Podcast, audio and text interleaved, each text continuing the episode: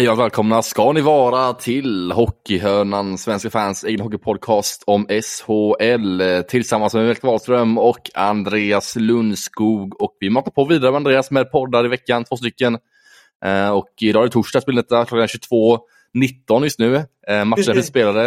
Eh, jag har fortfarande kvar pulsen sen kvalmatchen har jag fortfarande kvar liksom i kroppen känner jag. Lite adrenalin kvar efter den ja, laddade matchen om man säger så. Som blev ett abrupt beslut, eller eh, ett eh, stort slut för Brynäs nu. En eh, stor era i SHL är därmed över för Gävleklubben. Um, Andreas, har några spontana tankar direkt sådär kring Brynäs och deras SHL-era nu får man säga att det ändå är sedan 1975 uh, är nu därmed över. Ja, man har, man har, nästan inte hunnit landa i det, det eftersom eh, det var ju, sändningen tog ju bara slut här för en eh, tio minuter sedan typ när vi spelade in det här. Så man har ju inte man har ju nästan inte hunnit, inte hunnit landa i det. Samtidigt så har det ju varit klar, har det ju känts klart under en längre tid om man tittar på det här kvalspelet. Men så vann ju Brynäs, drog det där sista lilla halmstrået här senast. Eh, gör ju en helt okej okay match idag, torsdag då. Eh, här i den femte matchen, men det kändes ju som att nej, Malmö var betydligt sta större, starkare, bättre attityd, fick ihop laget på ett bättre sätt och spelade sin bästa hockey när det behövdes som mest.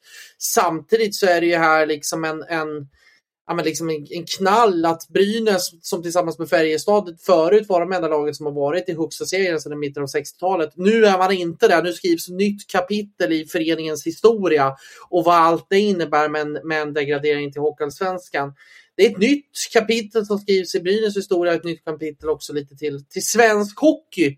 Eh, att det blir de här, att vi kommer ha flera av de här storlagen med Modo, Djurgården kanske, då får vi se vilka som går upp, men, men eh, Brynäs. Så att eh, för alla Brynäs-fans en oerhört, oerhört tung dag, men för Malmö så vill jag, om vi börjar till det positiva så måste jag verkligen credda dem för en ja, men otroligt gedigen insats i det här kvalspelet.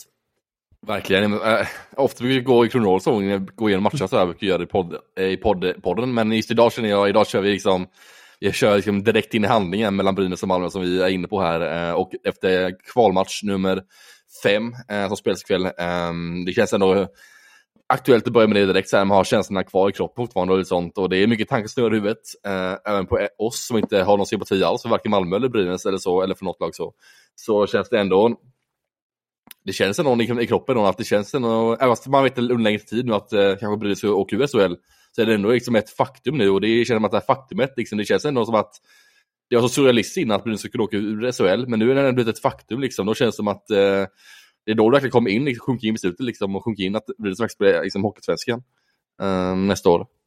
Och eh, bara, så grej, bara en sån grej känns ju eh, riktigt eh, spännande på ett sätt, för det är dags för nybygge för Brynäs Det är dags för liksom, renovering så att säga. Um, och det kan behövas det också tycker jag. Framförallt i Brynäs, alltså det, det håller inte att det liksom har nio tränarkonstellationer på sex år och det håller inte att sparka tränare varje år. Och alltså det går inte att bygga upp en organisation baserat på eh, kortsiktiga resultat och på en eh, verklighetsfrånvänd självbild. Liksom. Och eh, det går inte att bygga upp en liksom, stark organisation på, eller, tack, eller på grund av det.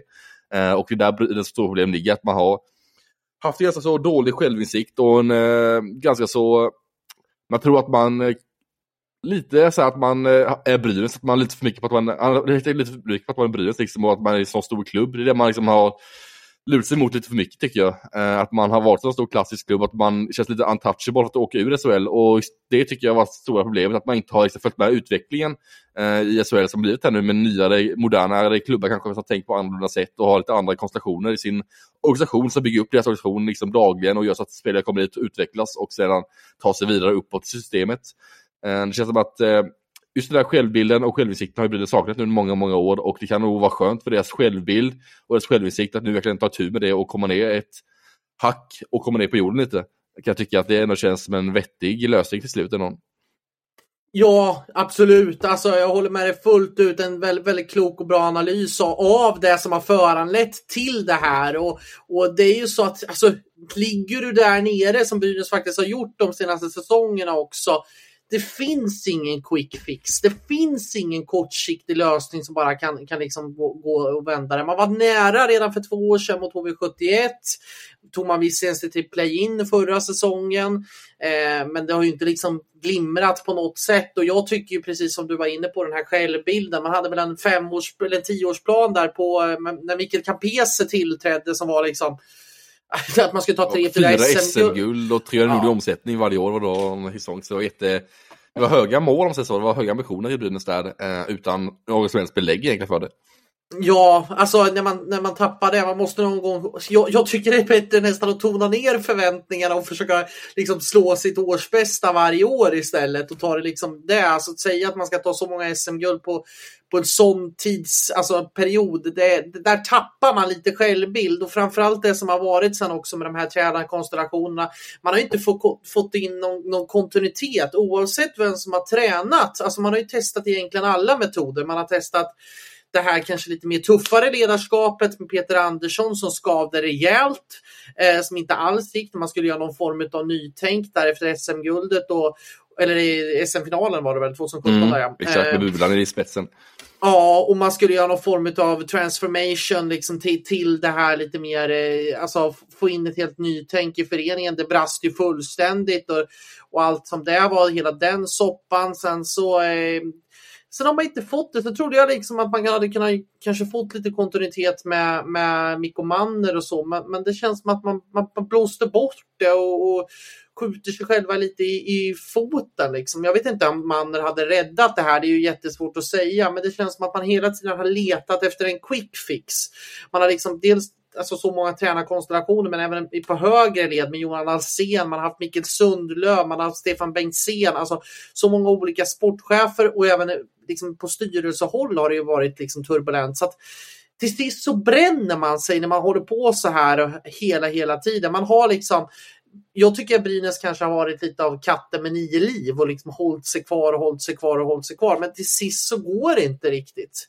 Eh, och jag lider med, med supportrarna och jag lider med spelarna på det sättet. Men, men, men man var inte tillräckligt bra i det här kvalet och man, man var inte bra från varken styrelsehåll eller ledarskapshåll har inte fått in de spelarna heller. Liksom.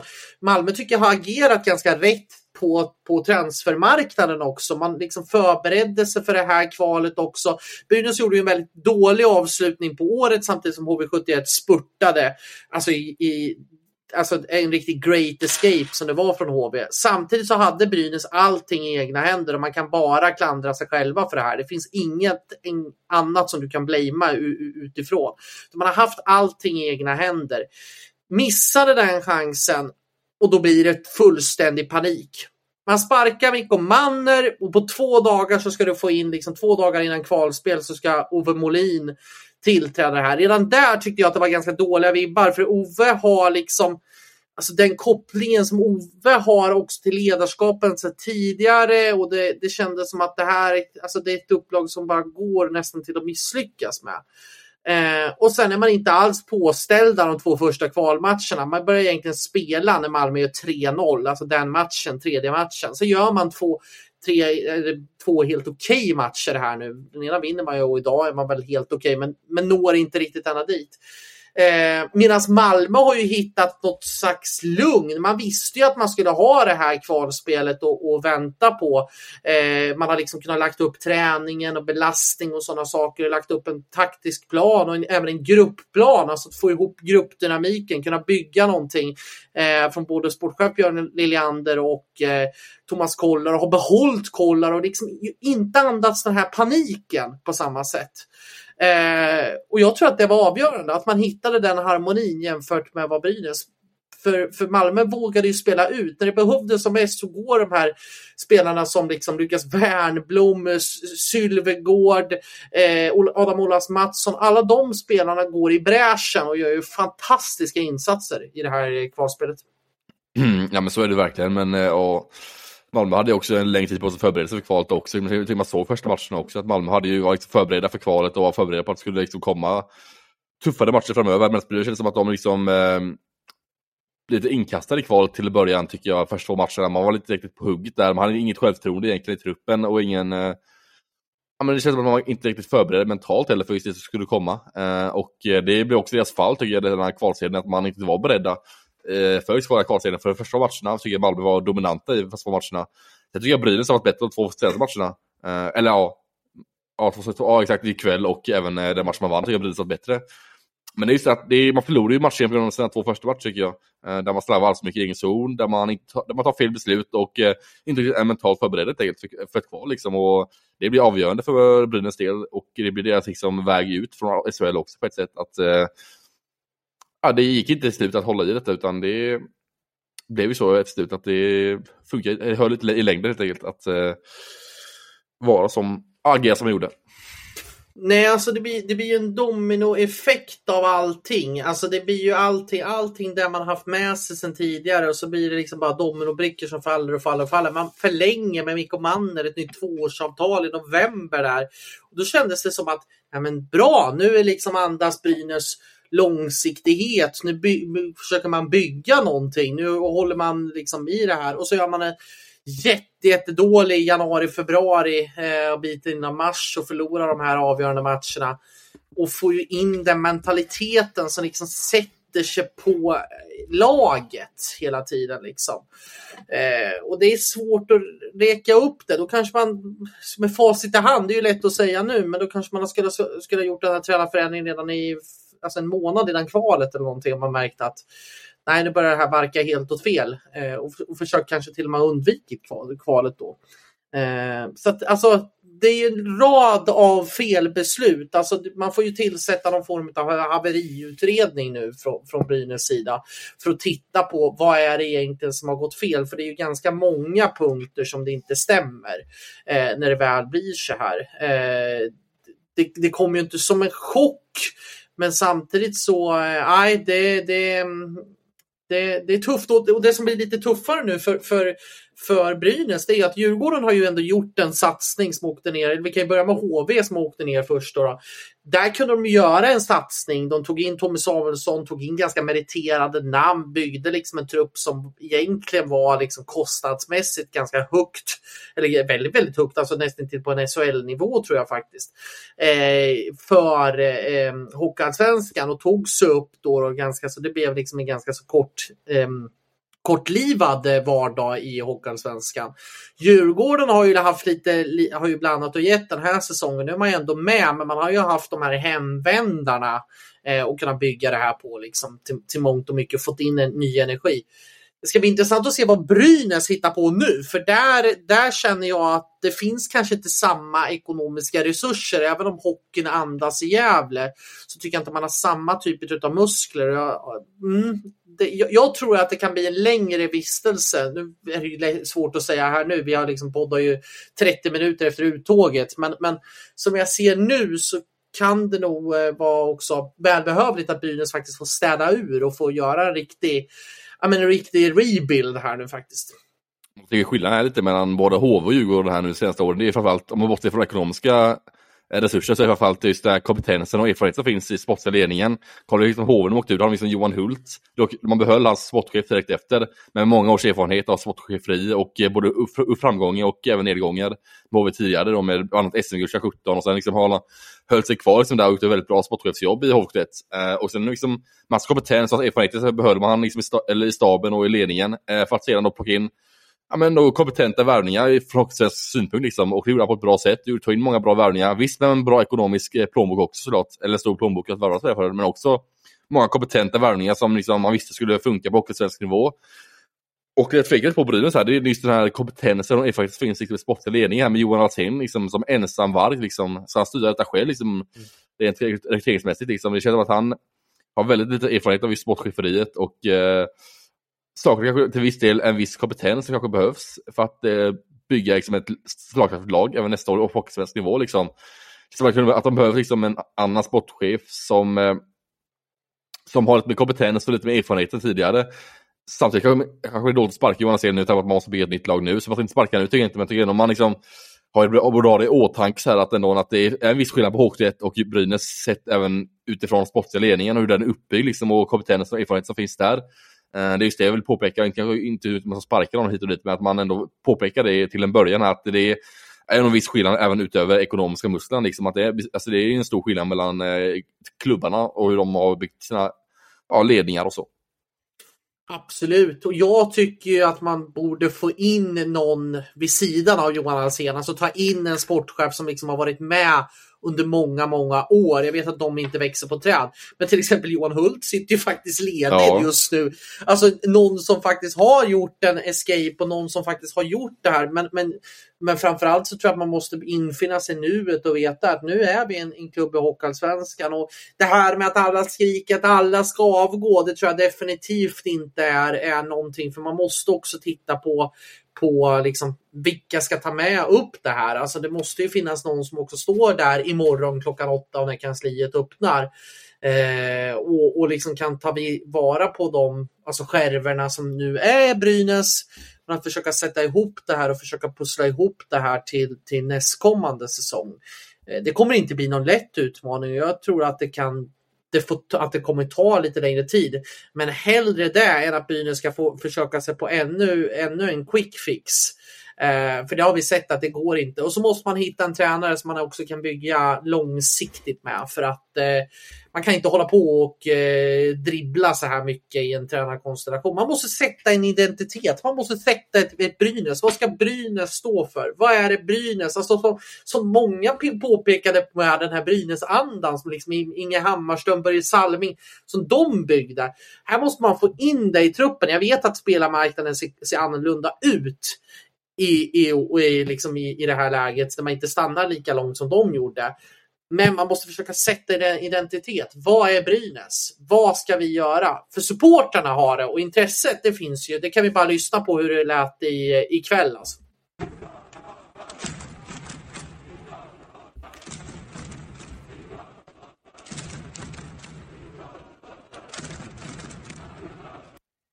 Ja, men det är ju ty tydligt budskap och det tycker jag faktiskt är ganska starkt att man som, som supportergrupp, de som faktiskt stannade kvar i Monitor ERP Arena, att liksom bara minuterna efter slutsignal stanna kvar och stötta spelarna och inte hålla på med massa dumheter som jag vet att vissa som andra supportrar har gett utlopp för fruktansvärt här nu under det här kvalspelet eh, utan att man faktiskt var där och stöttade i med motgång. Och supportrarna och intresset finns det ju nu måste man in kunskap, man måste sätta ett lag till, eh, till nästa år och man måste slicka de här såren som blir. Men, men vilka, vilka säger du, vilka, om du får bleka lite med laget här nu. Mm. Eh, hur skulle du, om du var sportchef för Brynäs, hur skulle du bygga det här? Nu går vi in tidigt här nu, men, mm. men hur skulle du ja. göra? Så är det. Det är svårt att veta utan bud och sånt är det ju såklart. Men eh, jag byggde ett lag här för några veckor sedan, lite hastigt sådär för Brynäs. Jag tycker det är viktigt att sätta liksom, backsidan, liksom, ha en bra backsida. Eh, Kollar du målvaktssidan, jag tror någon Anders Lindbäck kan tänka sig stanna kvar i Brynäs, tror jag någon Lindbäck kan göra på målvaktssidan. Så jag tycker Lindbäck var ett bra första alternativ. Kanske ta in en eh, andra målvakt typ Emil Kruse från Västervik eller eh, en Jonathan Stålberg från Kalmar HC, typ, som var en divisionens bästa målvakter. Liksom. Någon sån liksom, lite, lite, lite lägre rankade målvakt liksom, som backup där, till Anders Lindbäck för att få ett billigt komplement. Tycker jag vore klokt. Uh, om man kollar liksom backsidan finns det nog en del intressanta backar lediga. Jag vet att, han, jag vet att Vete Vainio från Björklöven är ju ledig, uh, ingen kontrakt med uh, eller man förlängde kanske nu, gjorde han det? Nej, det var Nörsteby och förlängde. Just det. Vet inte om... Var... Nej, Vainio kontrakt, eller Nej, han har nog Ja, det ja, han, det har du rätt i. Han tycker jag någon kan bidra med en del erfarenhet av allsvenskan. Sen gillar jag också någon som Ludvig Claesson i Växjö, som var en av bästa backarna i Hockeysvenskan för två år sedan med Tingsryd. Han tycker jag verkligen är ett bra komplement till en backsida som topp 4-back. Så har man då Theo Lindstein kanske stannar kvar, Simon Blatze kanske stannar kvar också eh, på backsidan där. Eh, och eh, Sen gillar jag också liksom en sån som Andreas Söderberg i Vita Hästen också som också tog kontrakt. En stor, stark, rejäl back. Han var med på Skyddet Fredrisa också han ju. Han var ju med mig i HV, de gick upp också där, var sin säsongen där från, Vita Häst, eller från Almtuna då, men är Vita Hästen nu och har utkontrakt också. Så han gillar också som kanske sjätte, sjunde back där. Uh, och uh, ja, då är typ backsidan klar nästan. Jaha, alltså det, det, och det, det är ju en väldigt bra hockeyallsvensk eh, backsida, det måste man ju säga. Alltså, och även målvaktssida där. Alltså, får man kvar Lindbäck. Jag tror att det är viktigt också att man inte bara, bara städar ut allt och allt. Liksom. Det, det, som, som vi sa, sa tidigare med, med avgå alla. Jag tror att det måste finnas och framförallt måste det finnas ett Brynäs-hjärta också kvar. Liksom. Eh, sen ska det bli intressant att se liksom, ja, Anton Rudin. Jag kan inte tänka mig att det är någon annan SHL-klubb som riktigt vill ha honom. Så jag tror att han blir väl kanske säkerligen Jag tror att det Brodin Skott också. Skott kan bli kvar tror jag på ett sätt också. Han har varit där länge liksom, nobbat och klubba innan på han vill vara kvar Brynäs liksom. Skott har tänkt sig att bli hjälp upp Brynäs. Alltså, det finns lite yngre förmåga också på forwardsidan. Alltså Noel Nord, eh, ytterforward där, den 05 också tror jag, som Theo Lindstein. Eh, så han kan också komplement till tredje kanske eller någonting. Så Oskar Kvist, eh, Birgersson kanske, William Strömgren kanske vore alternativ också att ha liksom en tredje fjärdekedja eh, som en har de här liksom lite ja, men yngre spelarna också kvar och få dem lite större roller kanske så att de kan växla upp ett snäpp också. Sen finns det också en del spelare lediga på marknaden. Tänk sånt som Tyler Wessel i Hockey 1. Eh, kan vara bra första center liksom. Eh, Golovkovs i Södertälje är bra också spelare också. Jag gillar även en sån som eh, Miles Power och Sound. Eh, tänkte han Hockeysvenskan nästa det vore också en, eh, ja, en drömvärvning för alla Hockeyallsvenska tror jag. Uh, och sen Anton Gradin, om inte han är klar för Mora så tycker jag han är liksom en utpräglad målskytt också i Tingsryd där. Så finns det en del när man kan bolla lite mer fram och tillbaka säger Brynäs och mm, ändå bygga ett ganska hastigt lag här uh, utan att veta så mycket om budget eller någonting sånt. Men det finns ändå några spelare som kan bli aktuella framöver då som ändå är intressanta för Brynäs del. Uh, tyvärr har man förlorat Nick Olsen eh, till Södertälje eller till SHL. Så där, mm. han går man bet på tyvärr. Han var annars en riktigt bra liksom, förlängning med om man skulle snacka Hockeysvenskan, eller om åkte till Hockeysvenskan. Men han är ju klart Södertälje istället i, om det blir Hockeysvenskt spel. Uh, annars blir det SHL för han också, kanske fortsatt. Uh, men uh, ändå intressant att spåna det där och det finns en del spelare sagt och så det är kul att följa upp här hur man väljer att agera här. Framförallt så är det just tränarsidan och ledarstaben som är viktigt för Johan Alsén att sätta mm. direkt. Sätta, sätta liksom en ganska så hastig, eller så här, väluttänkt men också en så få dit en tränare så snabbt som möjligt det är viktigt också tycker jag för att kunna locka dit spelare och även kunna liksom visa utåt liksom att nu har vi liksom en tränare klar, han ska leda laget tillbaka liksom och ha en sån utpräglad liksom ja, men målsättning direkt och ha en sån utpräglad liksom, identitet blir det också med en ny tränare som kanske sätter sin egen prägel på liksom, laget lite och på, på, ett nytt spel liksom kanske också. Så det är ju först viktigt att sätta i första hand såklart. Eh, det är ju liksom prio ett, sätta en, liksom, en ny ledarstab med eh, en ny huvudtränare och så vidare. Har du något namn där som du skulle kunna tänka dig att ja, det där vore ja. intressant alltså. Mm. alltså. Tommy Samuelsson är ju ledig på marknaden. Det vore nog inte en joker kanske i leken. Att slänga in eh, Tommy Samuelsson som har gjort en resa tidigare, med två gånger tidigare med bland annat eh, vunnit SM-guld och allt sånt och meriterat tränare liksom. Eh, sen om man vill gå lite yngre aktiv så Karl Helmersson kanske i mm. Ica Skogar som inte blir kvar där. Eh, han kommer lämna där, så han alternativ kanske också. Um, ja, det är svårt att komma på uppslut såklart, men eh, det är väl de två jag kom på i första hand som ändå känns intressanta på något sätt. Uh, om man ska ta sådana direkt liksom ur, Ja, nej, men, jag tycker du gör jätte, jättebra verkligen. Nej, men de som man kan räkna bort helt och hållet om man tittar på laget som det är nu. Dels så kommer ju Olkinora inte vara kvar själv. Det är ju. Sen är det ju då Niklas Friman tror jag inte heller blir kvar. Samuel Johannesson tror jag inte eh, heller blir kvar. Johannes Kinnvall som han lider något enormt. Han var ju ut med HV71 för två år sedan.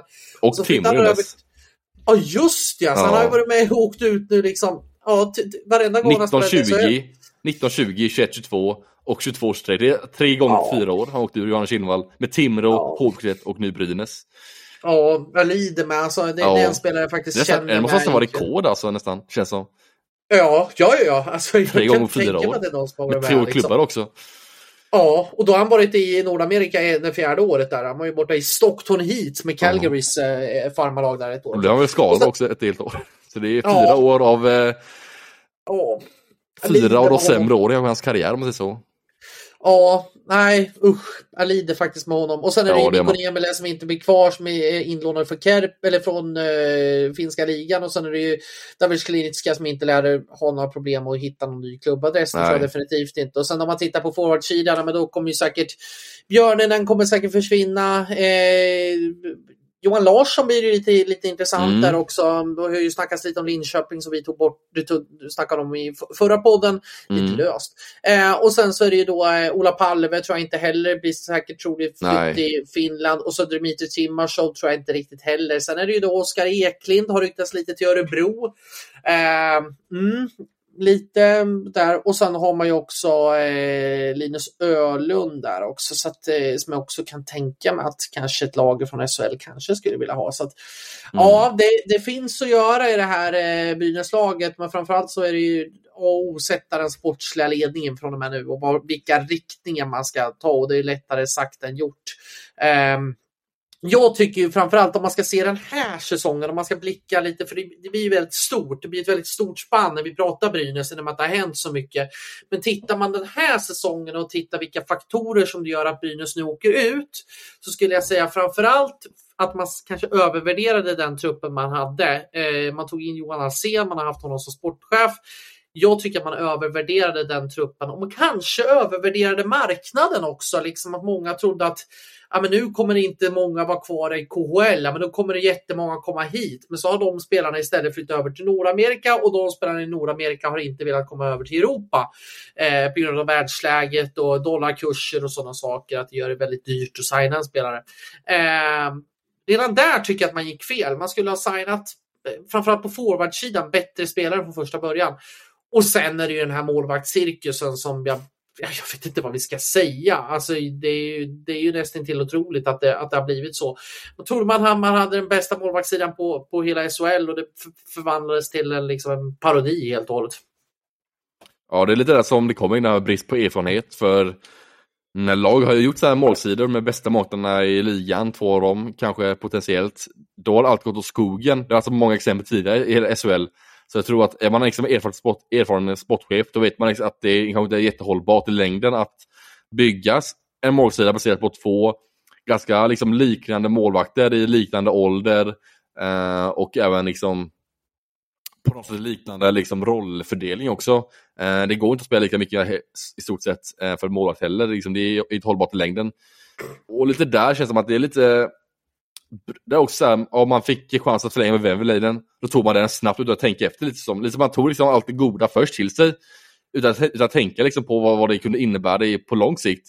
Utan det är det här kortsiktiga, man plockar liksom, oh, Lindbäck vill hem, han tar vi. Weverleiden vill stanna kvar och han förlänger vi med. Ja. Det, så här, det känns mycket kortsiktiga liksom, eh, ager, kortsiktigt agerande från eh, sportsliga ledningen där, eh, framförallt Johan Alsen då, sportchef då, att eh, man eh, fick till sig liksom, eh, eh, signaler på att spelare ville vara kvar och spelare ville hem. Sen tog man liksom det för att man kunde helt enkelt känns som. Eh, sen tog man Olken då också, man tog liksom han för att man kunde göra det, inte för att man behövde det kanske, utan för att man kunde göra det. Och lite där tycker jag är skillnaden på liksom, Brynäs, att man kanske agerade lite fel, att man tog in spelare för att man kunde göra det och, tog, och istället valde bort spelare som kanske var viktigare för laget. Framförallt tycker jag att man agerade väldigt fel vid eh, januari, februari, där vid deadline, mm. när man inte följde med Kevin Roa för att få in en utpräglad målskytt istället. Sen fick man inte in en enda spelare innan det stängdes sen i 5 februari. Och där känner jag redan då att det här kommer nog kanske inte bli någon jättebra för Brynäs del. För jag tyckte nog att Kevin Roa kom ändå in med en, en viss energi, en fart och en, liksom en, um, vad ska man säga, en, annan liksom frenesi i spel. Liksom, när han bröt in framför kassen liksom, och verkligen gjorde allt för att komma in innanför skinnet motståndarna. En sån spelare väldigt nyttigt kval tror jag, alltså, en sån spelare som Kevin Roa.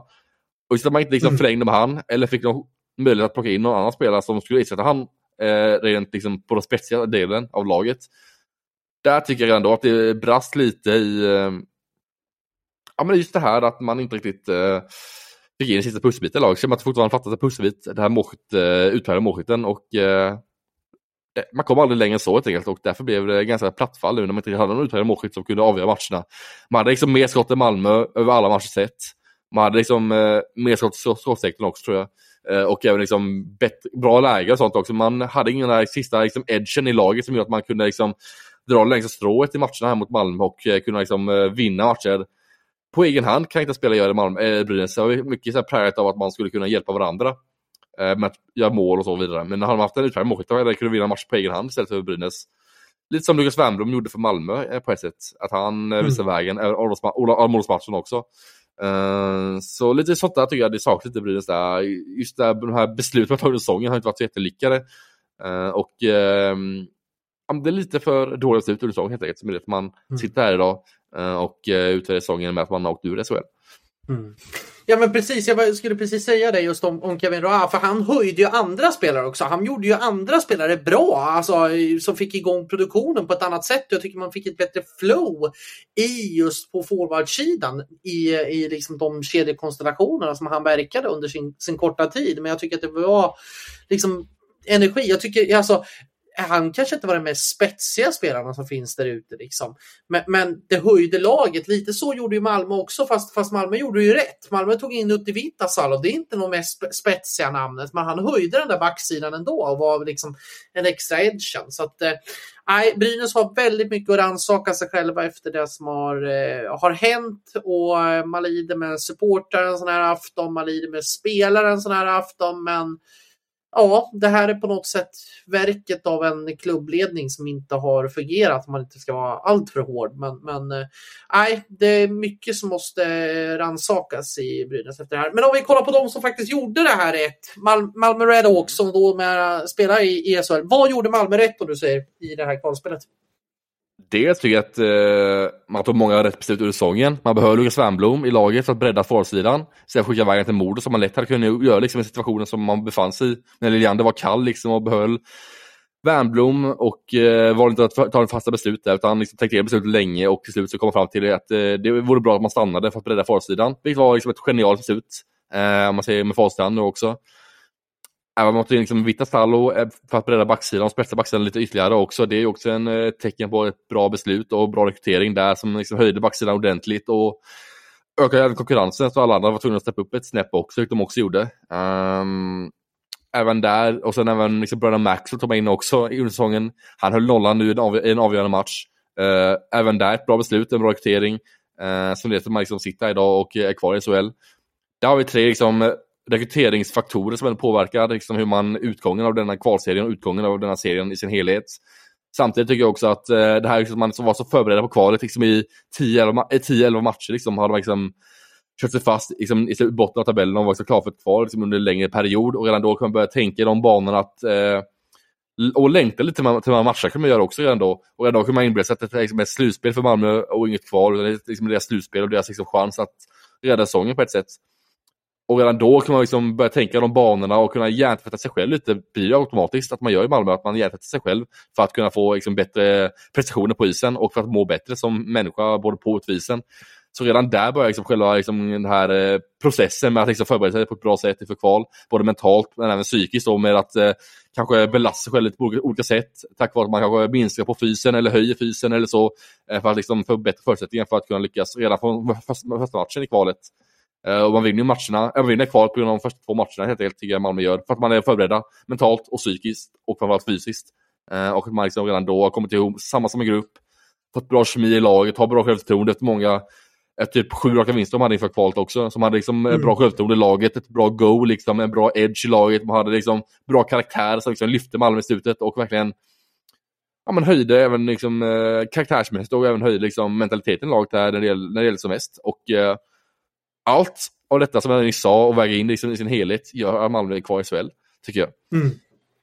Nej, men jag håller med. Alltså, och det här måste man ju på något sätt ge en cred till Björn Liljander som kom in. Liksom, har ju aldrig bara haft den här sportchefsrollen på, på ett sånt här stort ansvar. Liksom.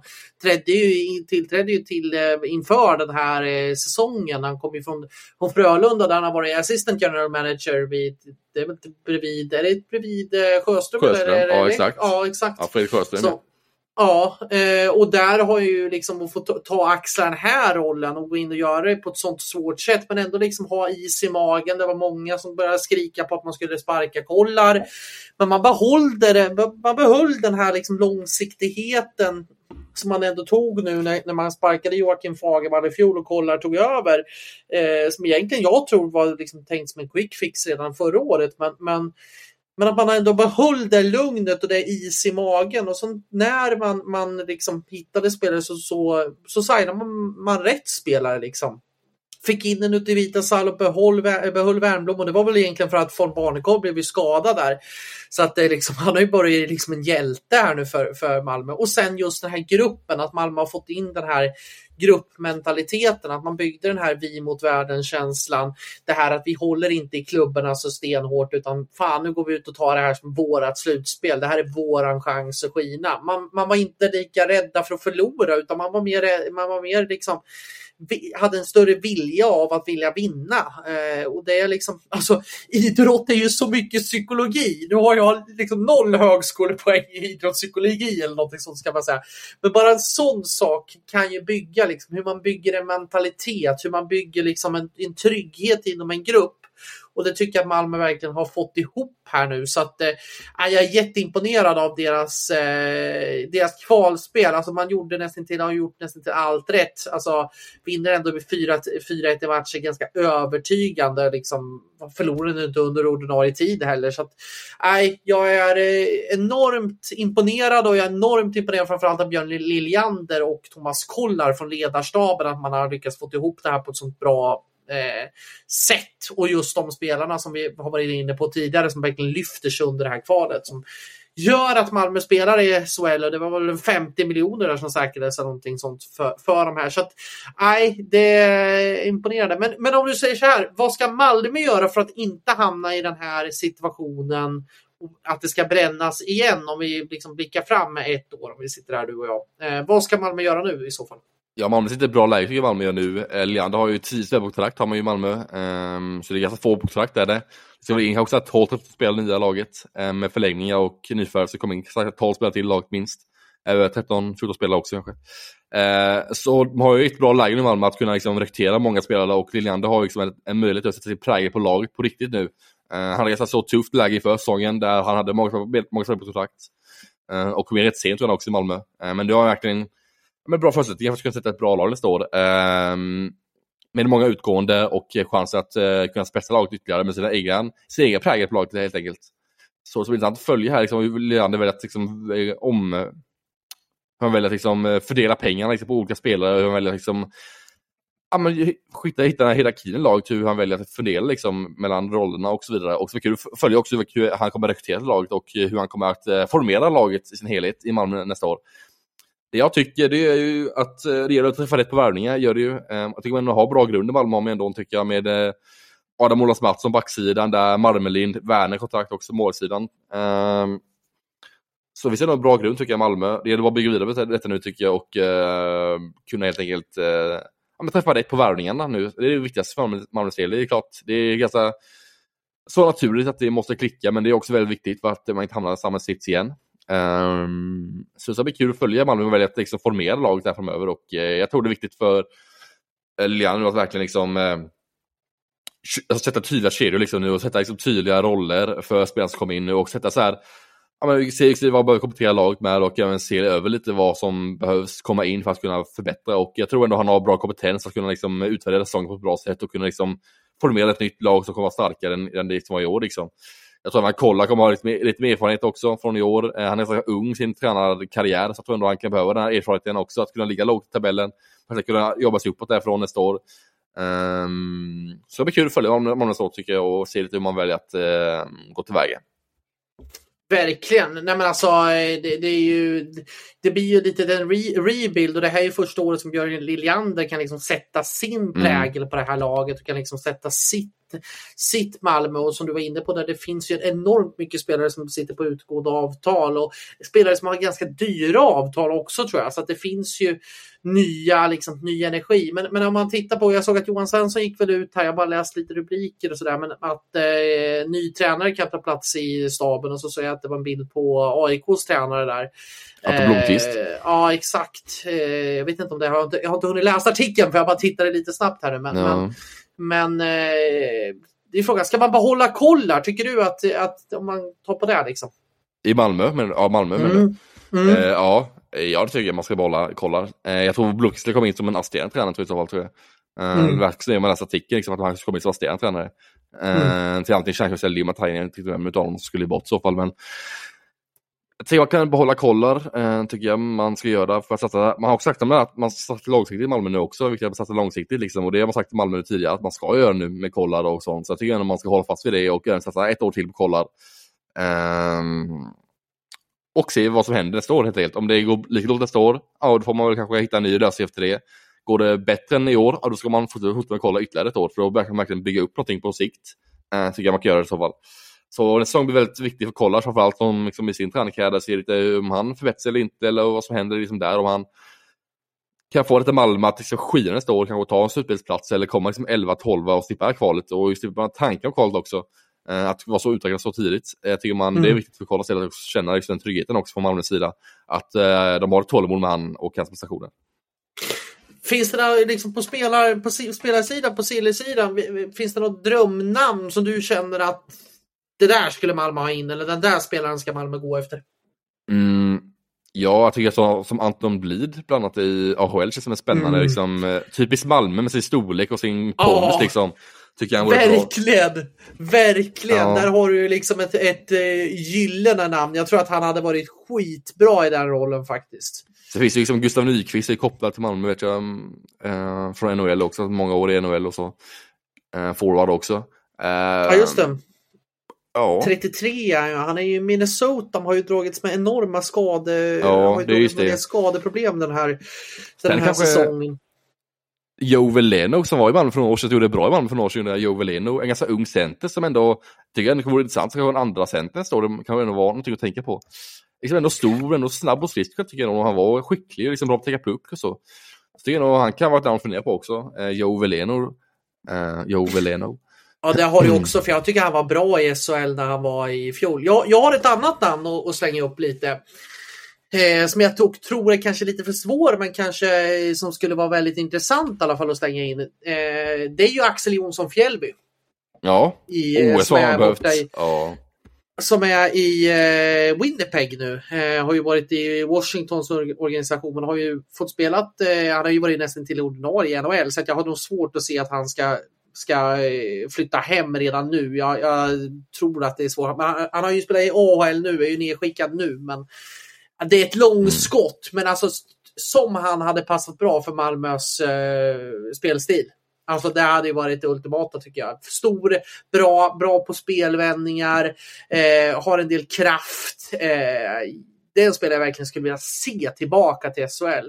Annars om man tittar på backsidan så vet jag väl att eh, William Andreas Englund. Var, var, Andreas Englund tänker jag, backsidan kanske vore som en lite drömstärkning inom citationstecken.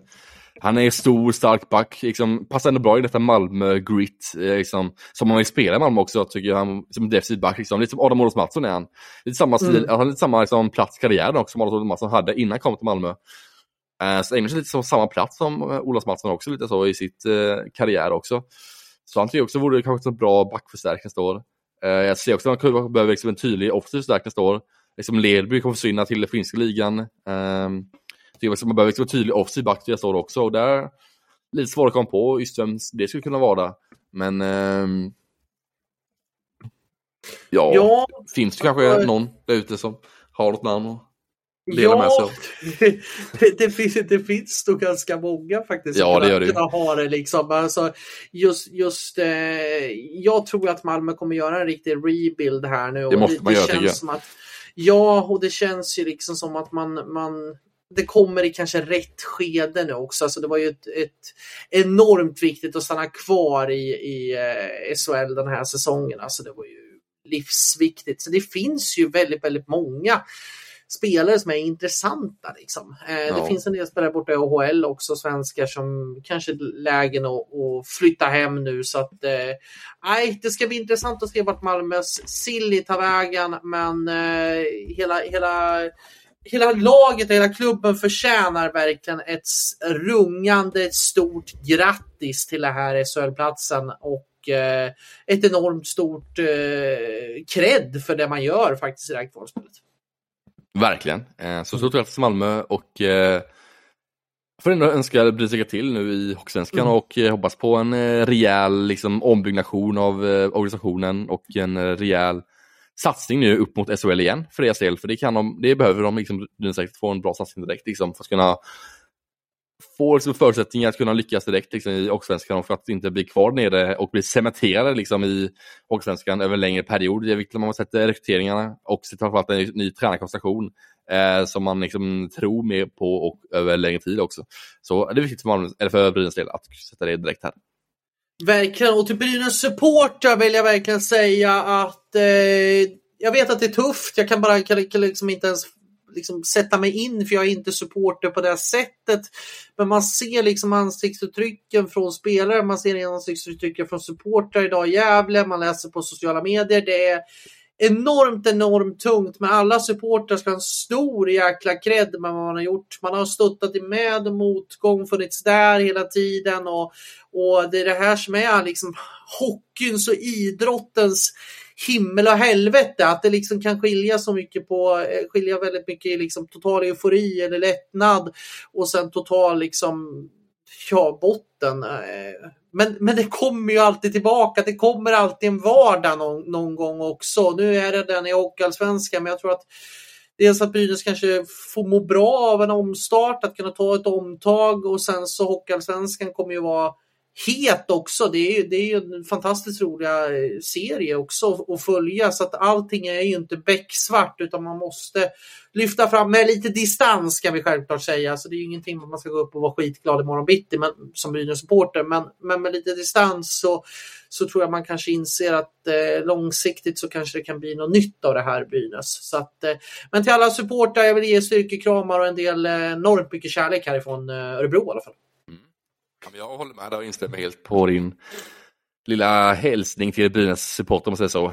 Men innan vi lämnar kvalserien så ska jag bara liksom ställa en snabb fråga till Andreas. Vad tycker du om just den här kvalserien? Eh, många, det är mycket kritik kring just den här kvalspelet, mm. liksom den strukturen som finns kring just det här med negativa kvalet och liksom hur man ska liksom göra den annorlunda eller liksom om den är bra eller dålig. Eller liksom, det är mycket kritik mot just det här kvalsystemet. Att det är, två förlorande lag, liksom att eh, det är liksom en förlust för båda lag att ligga så långt ner och spela så här ångest kvar. Liksom, det är ingen glädje att vinna, utan det är mer en lättnad att vinna. Medan det är liksom en eh, becksvart att åka ner och förlora ett kvalet, att det är liksom är mer ett ångestmöte än liksom ett negativt kval. Vad anser du liksom, kring det här med kvalserien och den strukturen som finns nu med eh, att det är ett lag åker ur från SHL och ett lag upp direkt från Svenskan utan att de möts? Uh, hur tycker du det liksom mm. är just nu? Jag är lite tvådelad där eh, om jag ska vara ärlig. Eh, jag tycker att kvalserien tycker jag inte man ska återgå till det som jag hade systemet som jag hade för några år sedan. Eh, det är ju ganska många år sedan vi hade den faktiskt. Men det man hade lager från Hockeyallsvenskan och man hade lager från SHL och så spelade man en, en lång serie då liksom på det här. Jag tycker att det blir väldigt urvattnat och det kan bli matcher som inte gäller någonting. Eh, samtidigt så var det ganska så, så liksom en röd tråd att man kör en serie, att det inte skilde liksom på på, match mellan två lag utan att det var flera lag inblandat. Men jag kan tycka att det där kunde styras lite konstigt och det, nej, det kunde bli väldigt, väldigt urvattnat att något lag inte har någonting att spela för det så de är avhängda och så kan man vinna på det. Och, nej, så det systemet tycker jag inte. Sen hade vi det här, det här andra systemet där man spelade liksom kval mellan SHL, alltså ettan i, i eh, Hockeyallsvenskan mötte den som kom sist i eh, i SHL och sen så de som kom tvåa i, i eh, Hockeyallsvenskan, eh, om jag inte är helt fel här nu, så mm. snurrar här, eh, kom eh, eh på, vad heter det? Lag, tre, lag 13 i SHL. Ja, exakt. Precis. Jag kan ju tycka att det, det också blir lite fel för att jag tycker att Hockeyallsvenskan har fått ett uppsving. Jag tycker att Hockeyallsvenskan och bredden har fått ett uppsving av det här. För att dels så, så har ju, i och för sig hade man två platser att tävla om då, men du har ett långt slutspel. Du har ett slutspel där du kan vara med och utmana liksom.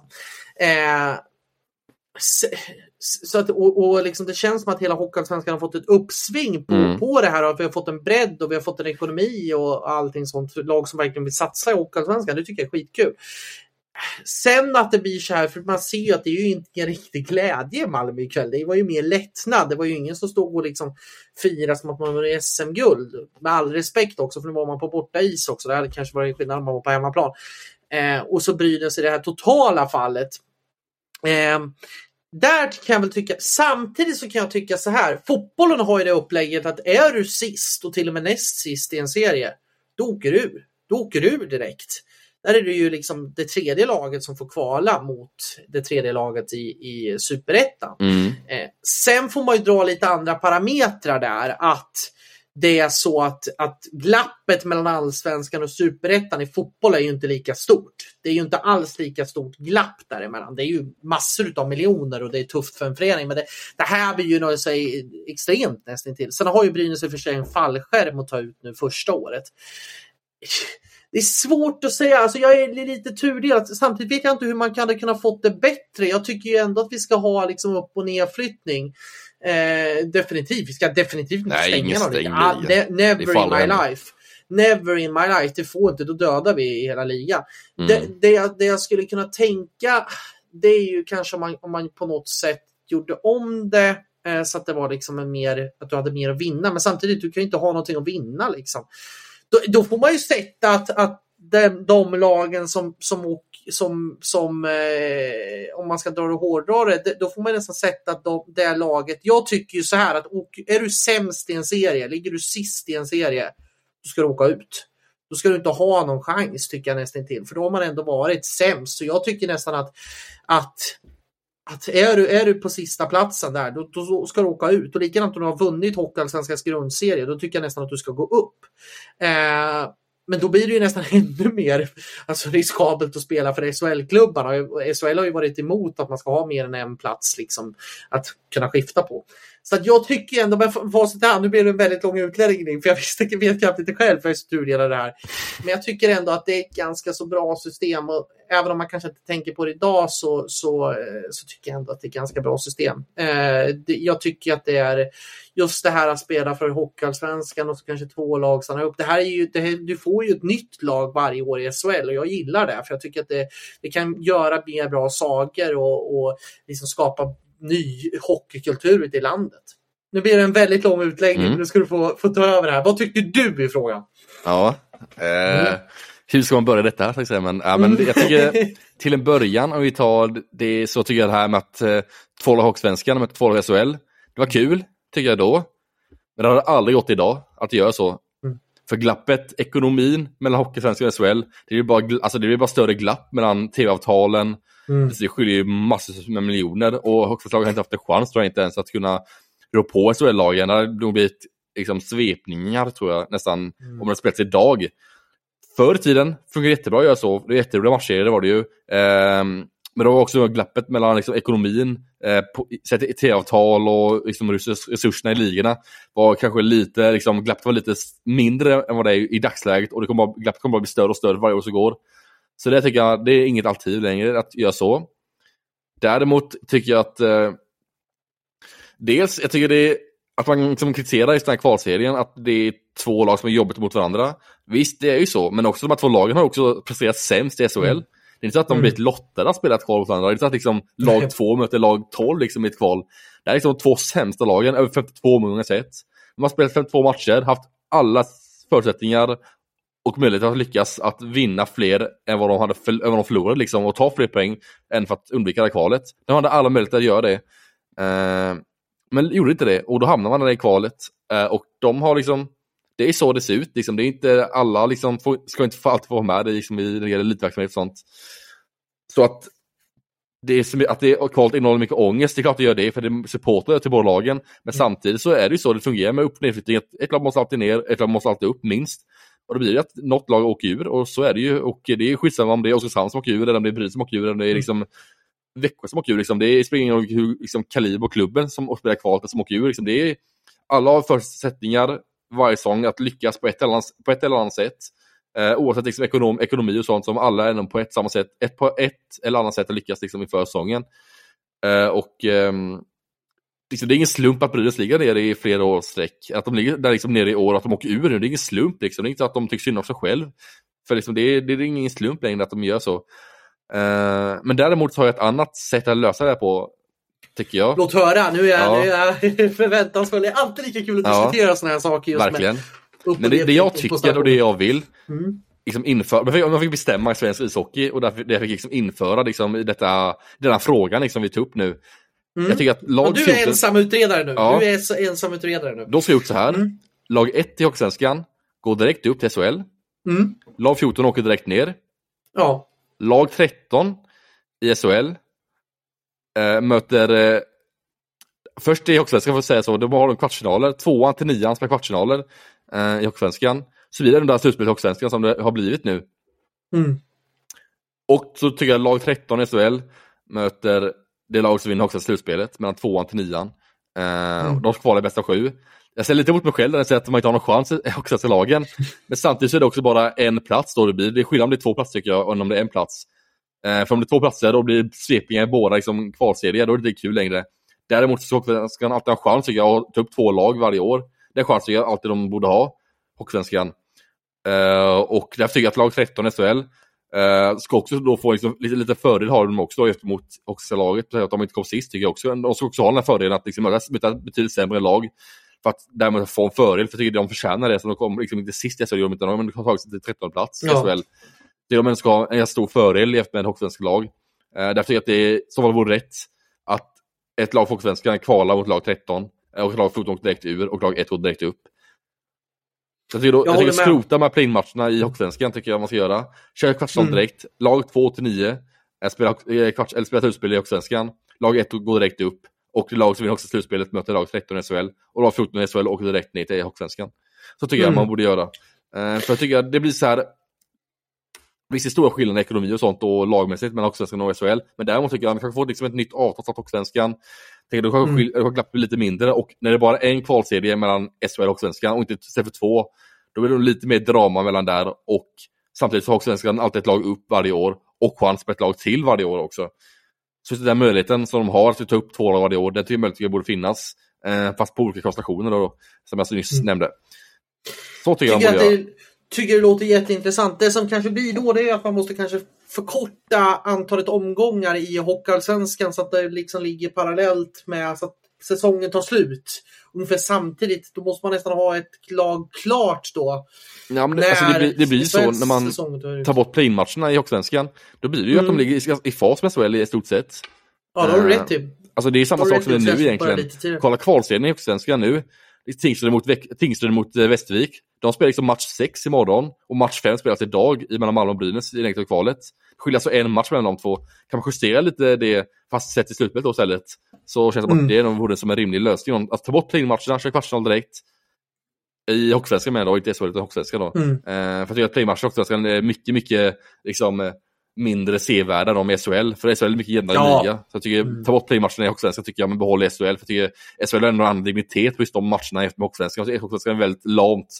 Liksom, det är vita hästen mot liksom, något större lag. Liksom, det är svårt för dem att liksom, alltså, kampas mot det laget då, under liksom, tre matchers eh, lång serie som max.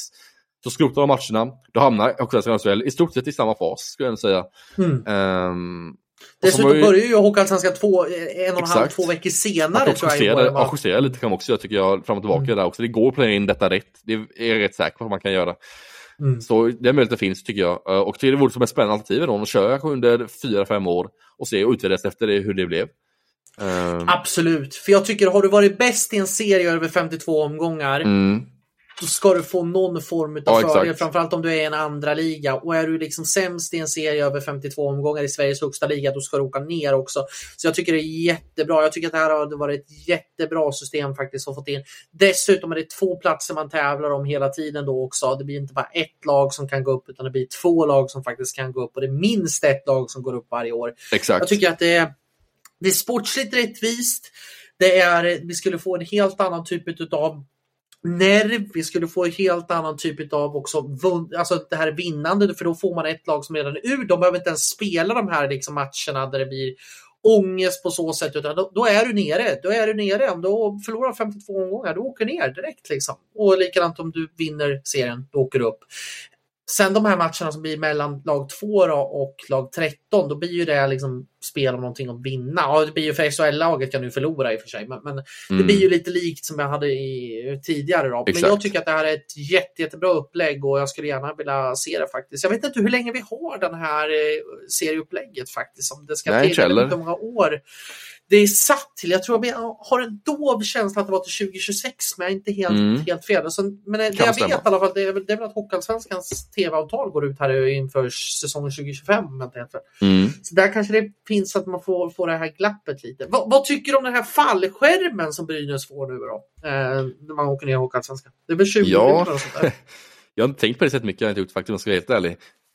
Jag tycker mm. väl eh, Många tycker inte om såklart, det fattar jag nog att många hatar på ett sätt för att de får en stor fördel att bara åka ner till eller åka ner Hockeysvenskan, bara det är liksom en stor fördel, vilken liksom ekonomisk kraft men av liksom har haft sen tidigare, liksom SHL har kunnat byggt upp en stark ekonomi under många, många års tid.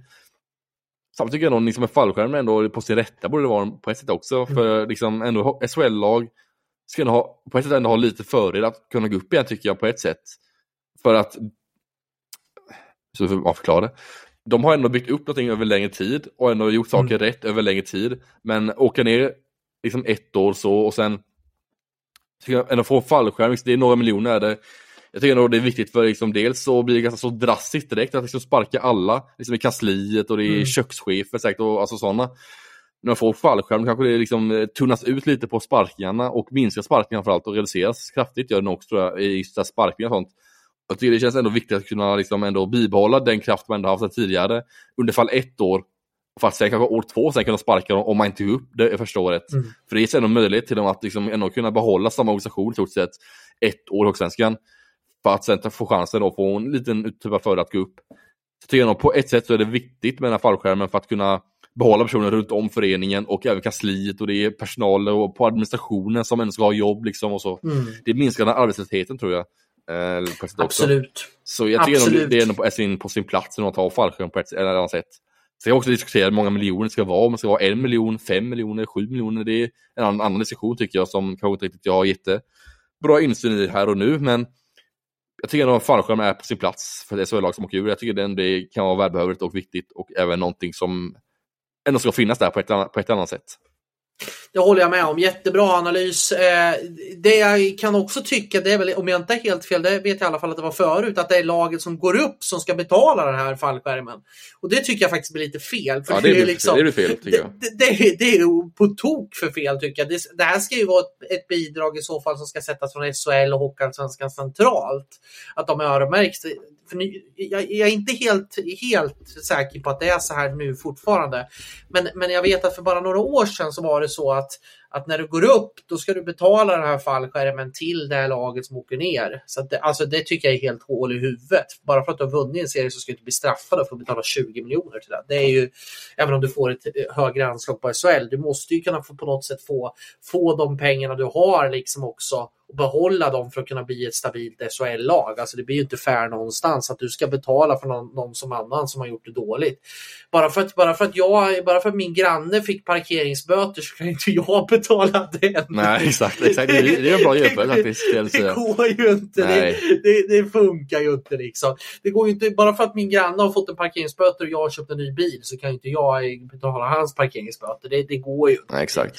Nej, det, nej, så där tycker jag man måste, om det nu är så, jag, jag tror att det är så fortfarande. Jag har aldrig hört innan faktiskt. Att det är så. Jo, jag, jag, jag, jag chockad när du sa det. För jag vet att Örebro fick betala när de åkte upp, när de gick upp för ett antal år sedan. Har de ändrat det nu kanske? För 20 mm, ja. miljoner känns mycket för en hockeysklubb att betala.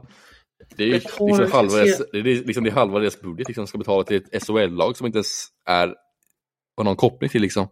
Det känns oerhört märkligt bidraget när du får, när du kommer upp till SHL som är ganska högt med tv-avtalen, att det automatiskt dras bort 20 miljoner då? Liksom. Ja, just det. Ja, det blir så indirekt mm. liksom man betalar. Ja, jo, det, jo, så Exakt. är det ju. Jo, det, mm. Att du får mindre pengar får du nog upp till SHL mm. i tv-avtalet får du ju. Det ökar mm. för varje år ju längre du etablerade SHL. Det kommer ihåg, Oskarshamn hade ju så. De hade ju, när de gick upp i SHL, då fick de ju, ja men, kanske 10-15 miljoner mindre då. Än de andra fick. För att sen år efter år efter år få mer och mer av kakan liksom. Eh, för att de såg liksom, att de själva kunde bygga upp sin organisation för att sen kunna etablera sig i SHL. Liksom. Så jo, det, du vet att det, stämmer ju att man får mindre pengar om man går upp till SHL, så tv-avtal har man ju. Mm. Uh, och det kan det stämma så att man indexbetalar. Ja, ett, ett, ett, centralt bidrag som jag tror dras undan. Mm. Jag vet att jag var inne på 20 miljoner, jag tror att det är 12 miljoner tror jag det här ja. fallskärmen är. Faktiskt, ja, det kan stämma. Det låter lite mer tidigare. bekant. 12 miljoner tror jag det är, eh, som det har varit tidigare år. Det här är 2020, sitter och läser en artikel från Hockey News. Eh, eh, så att ja, det där är, det är eh, för där behöver man, behöver man göra om det, det tycker jag i så fall. Eh, då var det väldigt mycket kritik kring den här också. Men, men nej, det ska bli um, intressant att snacka kvalmekanismer och intressant att snacka också. Det ska bli kul att fortsätta Hockeyallsvenska slutspelet här och se vilka som kommer tampas om den sista platsen till upp till SHL och som tar Brynäs plats. Ja, att semifinalerna också ska bli väldigt kul att se och följa vad som kommer hända där. Verkligen. Eh, men, men, du, ska vi lämna ja. kvalmekanismen och kvalspelet och blicka mot de som sker i toppen just nu? Mm, det, blir ett långt, det blir lång segment här mellan kval och allt vad det innebär. Men det är kul, det är aktuellt såklart, så det är ju viktigt att ta upp här också. Och ändå fick jag bra perspektiv på det, både från dig med Andreas och våra mm. egna åsikter kring allt vad det innebär med kval och USL och sånt. Så det var ändå kul tycker jag. Nu lämnar vi kvalet som sagt och blickar uppåt mot, eh, ja men det är nog kvartsfinal som pågår i SHL just nu. Det är full fart där det är viktiga matcher nu i kvartsfinalen. Det är liksom lite vägvisande matcher nu med match 4, match 5. Så här, vad kommer liksom, serien ta vägen? Blir det 2-2, blir det 3-1 i matcher? Kan något lag avgöra det här snart och så? Så det är, det är viktiga matcher nu som kommer här i kvartsfinalen för att eh, som ändå blir vägvisande för de här lagen. Och vi börjar i tisdagens matcher. Eh, I tisdagens matcher så ser vi då att eh, Örebro eh, torskade faktiskt efter overtime mot Timrå där. De ledde ju Örebro eh, långa stunder i tisdags där eh, och eh, kändes som att Örebro hade liksom den matchen i sin hand liksom och kunna liksom, kunna liksom leta ut liksom en seger i den matchen. Men eh, Timrå kom starkare på slutet där och vände och vann efter overtime så starkt. Jonathan Dahlén, 2 plus 2 i den matchen. Eh, var, väldigt, eh, var en faktor liksom att Timrå vände och vann och eh, var liksom en eh, matchens lirare i den matchen helt enkelt för Timrås del och en eh, tunga på vågen till att man tog det längsta strået i den matchen. Och bedrövligt eh, spel i numerärt överläge också för Örebro i den matchen ja. som man kastade bort. Liksom. Jag tror man hade sju numerära överlägen och man gjorde inte ett enda mål om jag inte helt fel. Eh, där var man ju riktigt, riktigt, riktigt dåliga faktiskt. Så jag tycker man slängde bort den matchen på, på, ett litet, ja, på ett dåligt sätt. Nu replikerade man idag på ett helt annat sätt och, och gjorde det bra, men den matchen fick ju Örebro faktiskt ta sig. Kändes som ett litet plump, plump i protokollet, men även där kommer ske de här slutspelsmatcherna matcherna. Jag tror, att det, jag tror att vi kommer ha väldigt få liksom, svepningar, om ens noll, här nu liksom, fram till, fram till det SM-guldet ska koras. Så att, det, var en liten plump i protokollet från uh, Örebros sida, men en stark bortaseger för Timrå. För hade det varit 3-0 där, då hade det nog varit, uh, ja, det hade kunnat vara avgjort redan nu. Men, men uh, mm. nej, det var en, en stark seger av, av Timrå som jag tycker hittade lite mer bredd och lite mer tryck i grillorna. Det är nästan Jajamän. som att man är bättre på bortaplan än vad man är hemma faktiskt. Kanske lite mindre press på plan, kanske eh, släpper lite ja. med pressen och sånt. Ja, kanske är något sånt liksom, att man vågar mm. spela ut på ett helt annat sätt. Men på hemmaplan var ju Färjestad starka i alla fall i tisdagens match. De drog längst åt mot Frölunda med en 3-1-vinst här i tisdags. Eh, Färjestad som var väldigt, väldigt starka i matchen tycker jag. Ett aggressivt Färjestad som kom ut med en hög intensitet och eh, verkligen var liksom det lag som dominerade matchbilden i matchen framförallt andra perioden tycker jag för Färjestads del var väldigt, väldigt bra i matchen. Man liksom vann stort sett varje närkamp, man fick stort tryck på Frölunda. Man hade Frölunda liksom i gungning hela andra perioden tycker jag nästan. Uh, jag tycker att det svängde lite fram och tillbaka mellan första och tredje perioden också mellan lagen. Det var väldigt jämnt. Sagt, det, svängde fram och tillbaka, lagen bytte chanser med varandra. Men mot andra perioden tycker jag Färjestad var bättre laget och sett över hela matchen var Färjestad lag som var bättre och det dominerande laget och vann rättvist den matchen med 3-1. Ja, alltså man skjuter ju också väldigt många skott. Man är bra på att få, få liksom pucken till kasse. Jag tror man hade 38 skott om jag inte är helt fel i den här matchen. Så det är ju, där är man ju mm. enormt, enormt starka och, och liksom, det är ju Lasse Johansson som egentligen håller nere siffrorna i den här matchen. Liksom. Eh, starkt också lyckas vända. Alltså, Frölunda får ju en liksom, topp start när Anthony Greco ger dem ledningen där. Det är väl efter Just en och en halv minut bara. Ja, Exakt väldigt stark styrning eh, och sen så är det ju, vad heter det, men sen vänder Färjestad helt på steken jag tycker man var, man var bättre på alla, alla kanter, framförallt i, ja, men i, andra, i, i andra perioden så är man ju numret starkare hela tiden och, mm. och där på något sätt tycker jag man lägger grunden för den här segern. Absolut, eh, det är kul. Alltså, när Färjestad är sådär bra som i andra perioden där, alltså då är det få lag som ska stå känns som. De är sådär starka, tunga. De har liksom snabba spelare, de har skickliga spelare, de har små spelare, de har stora spelare, de har starka spelare. De har, ja, det är liksom ett komplett lag. De är liksom i sin prime där i andra perioden, så det är kul att se tycker jag. Eh, och ett väldigt svårt liksom, arbetat lag att möta och tunga också i närkamperna. Och, det var kul att se Färjestad, tycker jag, i andra perioden där, att se hur de liksom bara malde på allt byte efter byte, byte efter byte liksom. Så ja, det var intressant tycker jag att se. Verkligen. Nej, eh, och så var det ju lite, blev ju också eh, Frölunda lite brandskattade när man åkte på sitt andra matchstraff den här eh, matchserien faktiskt när Christian ja. Folin åkte på ett därefter en crosschecken. Fick ju ingen avstängning på den men eh, ett matchstraff blev det ju och på något sätt är det ju det som återigen skälper eh, Frölunda lite i den här i den här matchserien. Man måste ha fokus på lite rätt, på rätt saker. Det hade man ikväll, det kommer vi till lite senare. Mm. Om vi lämnar tisdagens matcher och blickar mot Lillördag som var i onsdags då. Eh, det var ju två tuffa bataljer där också. Det var ju Luleå mot Växjö Lakers. Det blev overtime-vinst till gästande Växjö i den matchen. En eh, match där Luleå hade allt i egna händer, där ledde med 2-1, men sen i ett powerplay så kvitterade Växjö där bara några minuter kvar matchen eh, till 2-2. Där skulle man avgöra overtime sen. Um, det som att Luleå hade liksom matchen, de hade liksom en kontrollerad, kontrollerad matchbild ur dem i slutet av matchen.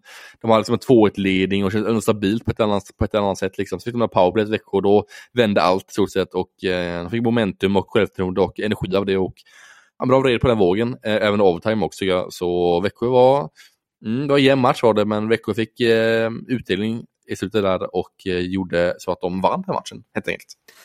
Ja, jag tycker att Luleå är bättre i den här matchen, mm. alltså rent spelmässigt om man ja. tittar. Jag tycker inte alls att Växjö kommer in och jag tycker inte Växjö heller alltså har, har gjort under hela, hela slutspelet. Och det är inget, alltså det är inte det mest underhållande inom parentes som man ska säga, liksom spelet från, från Växjö. Eh, jag tycker att Luleå var, såg starkare, såg liksom mer attack in mot kasse, skapade bra lägen. Men man blir ju jäkligt brandskattade också när man, när man får Komarek skada där. Alltså det, det är ju en otäckt skärskada där som, som blir och där blir ju man liksom brandskattade och sen så är det ju eh, en knätackling där också som, som domarna missar på men var det nu i Luleå? Luleå Nilsson tacklade Tommy Sallinen. Så var det alltså. Sallinen fick ju avbryta med en knäskada och då blir man ju väldigt brandskattad. Man går runt på, på liksom två skador på det på forwardsidan. Eh, så det blir ju väldigt tungt, liksom, tunga avbräck. Sen är det på något sätt att Växjö hittar en, en väg att vinna till den här, eh, ja, men dra den här se segern och lyckas dra det längsta strået utan att på något sätt imponera. Förutom typ ett målvaktsspel från Emil Larmi som jag tycker fortsätter att vara stabil i kassen och sen är det ett, ett antal spelare som sticker ut, kanske med Manna Lågren som gör tre assist i den här matchen och, och eh, har det Herman Aktell som får, får avgöra det på, med en liten slumppuck egentligen som träffar väl Pontus Sjödins skridsko går in. Så det, det är ju det, men, men bra lag får med sig medstudsare också. Kalle mm. Kossela ska vi också hylla faktiskt. Jag tycker att han gjorde kanske sin bästa serie den här matchen också. Så att, eh, Växjö har några, några tunga pjäser på vågen och det är det som blev avgörande tillsammans med att man eh, Luleå fick gå runt på väldigt, väldigt kort folk.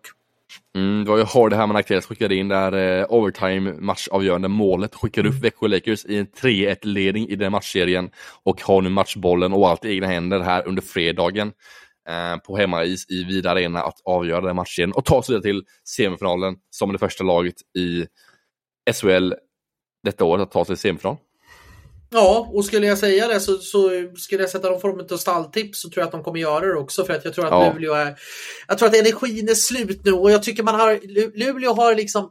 Okej, okay, man hade lite otur med domsluten i, i, i... Det var ett misstag från domarna mm. att inte att den knätacklingen på Ludvig Nilsson som också blev eh, eh avstängd här nu också. Eh, med all rätt. Eh, men att man har lagt fel, fokus på kanske lite fel saker och det kändes någon så, på något sätt att man har gått lite på konstgjord andning och jag tror att det här nu, nu är bensinen slut om man säger så. Liksom. Ja, en, en matchserie som vi kanske trodde på förhand skulle bli en form av, inte, inte av en svepning kanske, men av en kortare matchserie än vad det egentligen har blivit. Eh, men den här matchen blir väldigt tight. Och då snackar jag klart om Rögle mot Skellefteå, Andreas. Det står alltså 2-2 i matcher. Då Rögle kvitterade matcher i onsdags var det, jajamän, där i samband med mm. Luleå-matchen. Där så kvitterade man 2-2 matcher. Två mål öppna, öppen bur. Eh, en väldigt jämn match. Slutade med 15 vinst slut till Rögle, men sagt det var två mål öppen bur också. Eh, av bland annat Ludvig Larsson där, eh, som blev målskytt i matchen. Och Linus Sandin satte, satte liksom ett viktigt mål också eh, och verkligen visade vägen för Rögle den matchen. En jämn match som mycket fram och tillbaka var det som sagt. Eh, men Rögle var nog starka match tycker jag och eh, ja, men tog längst till slut och gjorde det på ett välförtjänt sätt tycker jag. Nog. Man liksom ändå kontrollerade matchbilden och Ja, Skellefteå har det tufft mot Rögle tycker jag. De har tufft mot, alltså, att vinna mot Rögle tycker jag. Skellefteå har tufft att skapa chanser också. Uh, och får de riktigt heta målchanserna tycker jag Skellefteå har haft svårt med över hela matchserien sett. Um, så ja, det är något att fundera på för Skellefteås del. Absolut, och jag har ju nästan till, nästan till räknat ut Rögle gång på gång på gång. Ja. Den här, liksom, den här eh, ja, men både matchserien och egentligen hela säsongen. Men, men liksom, man, har ju, man har ju börjat sätta griller i huvudet på, på Skellefteå-spelarna. Man kom, är väldigt tajta liksom, med ett bra försvarsspel. Jag tycker en sån som Tony Sund har ju lyft sig jätte, jättemycket. Ett helt annat typ av spel jämfört med vad han hade i, i grundserien. Jag tycker backsidan gör det bra. Jag tycker målvaktssidan framförallt är mm. den stora skillnaden att man vinner matcher till sitt lag. Och Skellefteå känns lite tunna. Det är det vi har varit inne på lite tidigare under säsongen. Man får inte den här, liksom, den här riktiga kemin, den här röda tråden hela tiden där allting går som ett liksom, på, på socker helt enkelt. Utan har, man har fått lite salt i såren och, och eh, Ruggle är ju så enormt starka. Sen det trycket som var i Ängelholm. Alltså jäklar vilken fin inramning eh, supporterna skapade där och atmosfären och allting sånt i den high-tanken som vi brukar kalla det. Alltså det var det var tryck, det var, det var fart, det var fläkt och det var kul att se Rögle spela hockey. Jag tycker man, man på något sätt, jämför, har, har man, ser man Luleå som är ganska tuff på energi så tycker jag att Rögle andas väldigt mycket energi. Trots att man har spelat många tuffa matchserier så tycker jag att det är fler och fler spelare gång på gång som tar steg här nu under matchserien. Och Marco Kasper kommer igång på ett annat sätt, gjorde två mål i passningar den här matchen. Eh, Adam Engström tycker mm. jag fortsätter briljera. Alltså, det är nog den spelaren som jag, alltså var han, var han kom ifrån liksom. Han har ju varit Exakt. ja, men som har varit den mest positiva överraskningen. Och sen Linus Sandin som jag tycker man också måste hylla det här slutspelet som jag tycker har gjort det jättebra. Fyra poäng nu på bara tre mål på sju matcher. Jag är mm. imponerad efter en ganska ja, men blek, eh, blek eh, återkomst. Säsong. Ja, ja, exakt. Så att jag är jag är imponerad av Rögle, men jag, jag sätter flera, flera frågetecken till vad Skellefteå riktigt håller på med faktiskt. Ja, och frågetecken finns också kring deras målvakt, där, Linus Söderström, som inte vaktade kasten här i onsdagen. Det var ju Frans Toivonen som stod i målet där för Skellefteå här i onsdags. Uh, mm. Det är lite ljumskproblem liksom att uh, Linus Söderström ska ha Uh, vilket klart är oroväckande för hans och Skellefteås del med tanke på vilken dignitet av målvakt det där är. Som Linus Söderström är. Liksom, han är SHLs bästa målvakt i år, har varit väldigt, väldigt bra under både grundserien och slutspelet också. Uh, och är ju en slutspelsmålvakt och är ju en målvakt man ska man vill liksom gå med i slutspelet också. Så han är tydlig etta liksom är han ju. Uh, men nu fick Frans hoppa in i kassan här i onsdags och uh, han gjorde det väl ändå helt okej tycker jag.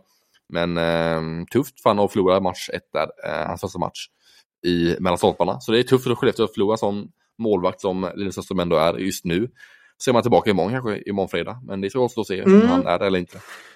Han har ju varit lite till och från. Det har han ju varit under hela säsongen. Så det är ju det, det, är det här man har också oroat sig lite. Liksom, att håller hans liksom, hälsostatus för att eh, liksom, kunna gå ända fram. För det är ju den målvakten som verkligen Verkligen. Sen är det ju det att vi brukar ju säga att andra målvakter brukar ju faktiskt vinna SM-guld ja. till sina lag. Men, men ja, det är frågan om Toima har den typen av kompetensen. Det är klart att det är ett jättestort tapp för, för uh, Skellefteå om inte han kan spela. Nyckelmatchen den blir ju i Västerbotten i imorgon, eh, eller mm. ikväll när ni hör det här då, då på fredag när när det är match uppe i, i um, Skellefteå Kraft Arena. Uh, den matchen tror jag är jätteviktig. Kniper Rögle den, då har man ju jättechans att ta sig vidare. Herregud, kommer man på hemmais sen i Ängelholm.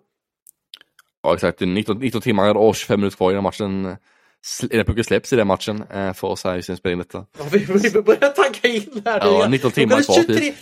Klockan är 23.36 här nu. När, ja. när du, får köra på två skärmar. Du ska ju på fotboll imorgon. Du ska ju på ja. Sverige-Belgien imorgon. Exakt, så vi kollar matchen efterhand får det bli för min del. För jag ska ju på Friends Arena imorgon och kolla Sverige mot Belgien. Så vi nog kolla på hotellrummet efteråt kanske. Om man hinner med det också. Det, det är bra det. Ja, det är klart. Jag kommer följa matchen kommer jag klart på ett, på ett annat sätt. Ju eh, mer så. sport, ju bättre är det. Så är ja, det. Man är lite förvirrad nu. Det är så mycket matcher i huvudet nu. Man ser liksom tre matcher om dagen, minst. Och sen på helgen blir det sex matcher om dagen i stort sett, på Hockeysvenskan och SHL och allt vad det nu innebär. Så det är lite snurrigt i huvudet här liksom alla matcher. Sånt. ja, verkligen. Man står på dagarna framförallt. Det är liksom ingen dag, ingen, det känns som alla, alla dagar är en hockeydag just nu. Det är, mm. det, är, det är lite så vid den här tiden, men det är roligaste tiden på året. Men vad tror du? Hur, hur ska Skellefteå? De hade ju också tufft Skellefteå här också. De skulle flyga hem från Ängelholm här nu i, i, efter den här matchen då, i ja, natten till eh, torsdag. Då. Deras plan kunde inte landa på, på Skellefteå flygplats för det var för mycket mm. snö så att de fick faktiskt vända tillbaka till Arlanda, fick ja. sova på hotell på Arlanda Oj. och fick flyga upp till Skellefteå nu under torsdagen. Så att det var ju Ja, som en gammal flygvärd så vet man vad det kan bli för snöstormar uppe i Skellefteå. Jag vet att de inte har ett bra autosystem på deras landningsbana där. Så att, eh, själv var du med om det faktiskt två gånger. Mm. Ja, men Mm. Skellefteå måste ju på något sätt liksom... De har ändå hemmaplan nu, Skellefteå. Och det är liksom, nu är det, nu är det liksom bäst av tre matcher nu. Jag att det är två vinst till för, för att ta liksom, semifinalplatsen. Jag tycker Skellefteå, de måste liksom använda mer av sin fart och mer av sin kraft. Liksom. Försöka liksom våga spela ännu mer tycker jag. Våga skjuta mer, våga vara lite mer kreativ i sitt spel, våga liksom ta lite mer initiativ. Tycker jag som Oskar Möller, våga, han måste våga skjuta lite mer tycker jag också. Ja, det är ju egentligen det man man borde göra det egentligen. Sen, jag tycker det är, sagt, det är väldigt jämna matchserier. du åker i sväng åt båda hållen. Det är tillfället som avgör också till stora delar i sådana matchserier liksom, som är så tajta och täta liksom i samtliga matcher. Så det är tillfället som avgör och det är ju kanske ett powerplay hit och ett powerplay dit som blir nyckeln också att få igång powerplayet och få liksom, special team som fungerar ordentligt. Så mm, ja, det ska bli kul att se hur matchen imorgon utspelar sig och hur Skellefteå liksom inleder den matchen i alla fall tycker jag. Man gäller att få en bra start i matchen och jag tycker Skellefteå har liksom mycket press på sig nu att det är på hemplan nu lyckas vinna och eh, förmodligen då ta matchboll sen inför match 6 som kommer i Ängelholm sen om några dagar. Så viktigt för Skellefteå verkligen få en bra start på matchen, hämta energi, få kraft av det och verkligen bara liksom våga vara kreativa, våga spela ut, våga skjuta och våga liksom bara grisa liksom i den matchen hur man ska göra. Absolut. Eh, Frågan är, ska man göra någon form av eh, liksom rotationer i, i, i liksom, eh, kedjekonstellationer? Ska man börja titta på sådana grejer? Ska man liksom börja splittra på kedjor eller någonting sånt? Hur hade du gjort om du var Robban Olsson här nu då? Ja, jag hade valt, alltså jag hade valt kedjan med Hugg, Jonsson och Möller. Det är deras bästa kedja tycker jag. Sen hade jag behållit.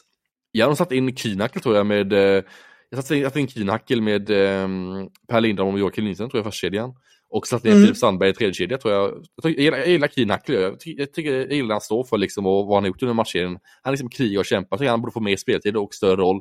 Och jag tycker att han passar bra tror jag in med eh, Per Lindholm och Joakim Lindström. Får man lite här mer grit-spelet också, lite, lite mer tuffare spel. Och eh, Mm. Kinnackel kan ta lite mer ansvar för kassen då också och låta Per Lindholm och eh, Joakim Lindström trolla på kanterna lite mer. Och samtidigt så Filip Sandberg tycker jag har varit lite sådär så länge. Han kan liksom få ta steg ner liksom tredje kedjan spela tillsammans med eh, Melker Karlsson kanske och eh, ja, Ja, det blir Albin Sundsvik kanske där då? som, ja som någonting sånt i den stilen. Han har Ja. varit bra synsvik tycker jag. Så någonting i Ja. den stilen som tredje kedja kanske. Så, Ja, jag håller men med. Någonting sånt definitivt. Sen kommer kanske Oskar Nilsson Oskar Nilsson kommer tillbaka nu också för del. Läste jag om här att Oskar. Nilsson skulle vara aktuell i backparen där. Så det blir också lite rotation där. Kan det bli också tror jag, men jag tycker inte man ska göra allt stor rotation- i backsidan. Tycker jag inte. Tycker man har haft bra backsidor någon med eh, Elias Holmonsson, bra backpar tillsammans med eh, Arvid Lundberg, även Måns Forsfjäll och Jonas Puras bra backpar också. Mm. Och så får vi in Oskar Nilsson, kanske ett tredje backpar då tillsammans med eh, Linus Högberg Ja, kanske? Ja, eller Granberg då. Granberg eller Högberg. Mm. Exakt. Nej, men jag tycker det låter som en väldigt bra, väldigt bra plan. Mm. Ska vi rulla vidare? Det gör vi till kvällens matcher då som vi har beskådat där för några timmar sedan tog de slut. Mm. Det var ju en eh, kalldusch eh, för Färjestad om man eh, uttrycker det milt. Det var en 5-0 torsk för Färjestads del. Det var i Fröl eller Frölunda då eh, körde stora delar ö- över Färjestad den matchen eh, inför ett fullsatt Skandinavium i stort sett. Eh, 5-0 blev den matchen. Det var chockerande med tanke på att det var väldigt jämna, tajta, täta matcher innan. Men den matchen tycker jag Frölunda var det bättre laget. Liksom, jag tycker Färjestad slarvar alldeles för mycket i det här spelet. Man släpper Frölunda in, liksom, Frölunda får stå i skottsektorn många gånger tycker jag och får skjuta och de gör bland annat två mål i skottsektorn också. Så, Ja, vad händer? Vad händer med Färjestads försvarsspel? Vad hände egentligen med Färjestads försvarsspel? Det är som att man tummar på alla former av noggrannhet och liksom, Mm. liksom Alltså någon form av balans. Det känns som att man gav Frölunda för alldeles för stora ytor, släpper till för farliga skottlägen. Det var liksom bjudkalas och Frölunda visar ju upp ett liksom hypereffektivt bra spel idag liksom på målskyttet. Men, eh, och så kan man inte, man kan ju inte börja spela när det står 3-0. Det känns som att man, man sitter kvar. Man sitter kvar i Karlstad kändes det som. Mm. Jag vet inte vad man gjorde på bussresan ner, men, men alltså, det känns som att man sitter kvar i, i bussen fullständigt och Frölunda, man börjar egentligen bara spela när, man, när Frölunda gör 3-0. Då känns det som att Färjestad kommer lite, lite in i, i matchen, men till dess det är ett lag kvar på banan bara. Ja, men det är väldigt, för, alltså Frölunda var väldigt effektiv match för Frölunda. Alltså 21 skott, eller 22 skott och mål, fem mål gjorde Frölunda matchen. Uh, skottmässigt var det ganska jämnt mellan Färjestad och Frölunda matchen. Det skiljer 22-21 var det skott till Frölundas favör. Så Frölunda var väldigt effektiva Frölunda och det var inte Färjestad. Frölunda var liksom bättre spelmässigt tycker jag. Jag tycker Färjestad allt mycket sagt i skottsektorn där. Jag tycker Frölunda fick stå och liksom mata skott utifrån och fick även komma in i skottsektorn och innanför skedet Färjestad på ett alldeles för enkelt sätt. Um, sen även liksom Filip Johansson väldigt bra idag, tre poäng. Louis Eriksson fortsätter ta steg, två poäng idag mm. också. Han verkligen visar på karaktär och visar på hur viktig han är i slutspelet för Frölundas del. Med hans erfarenheter och eh, karaktär och även skicklighet också. Så ja du, det är intressant att se vad den här matchserien tar vägen nu. Det är 2-2 matcher nu. Det är intressant att se hur nästa match blir, liksom, om Färjestad kommer tillbaka och får revansch. Eller om Frölunda fortsätter på den här inslagna vägen att vara effektiva och verkligen kunna liksom, såra ett Färjestad som var liksom, decimerat idag och som inte riktigt var på plats. Du, eh, Filip Johansson, han hade en ganska bra födelsedag kan vi säga. Mm. Ett han mål och två assist. Exakt, och en vinst på det också. Så det var bra presenter för Filip Johansson. Och en bra ja. födelsedag som alla minnas ett tag framöver.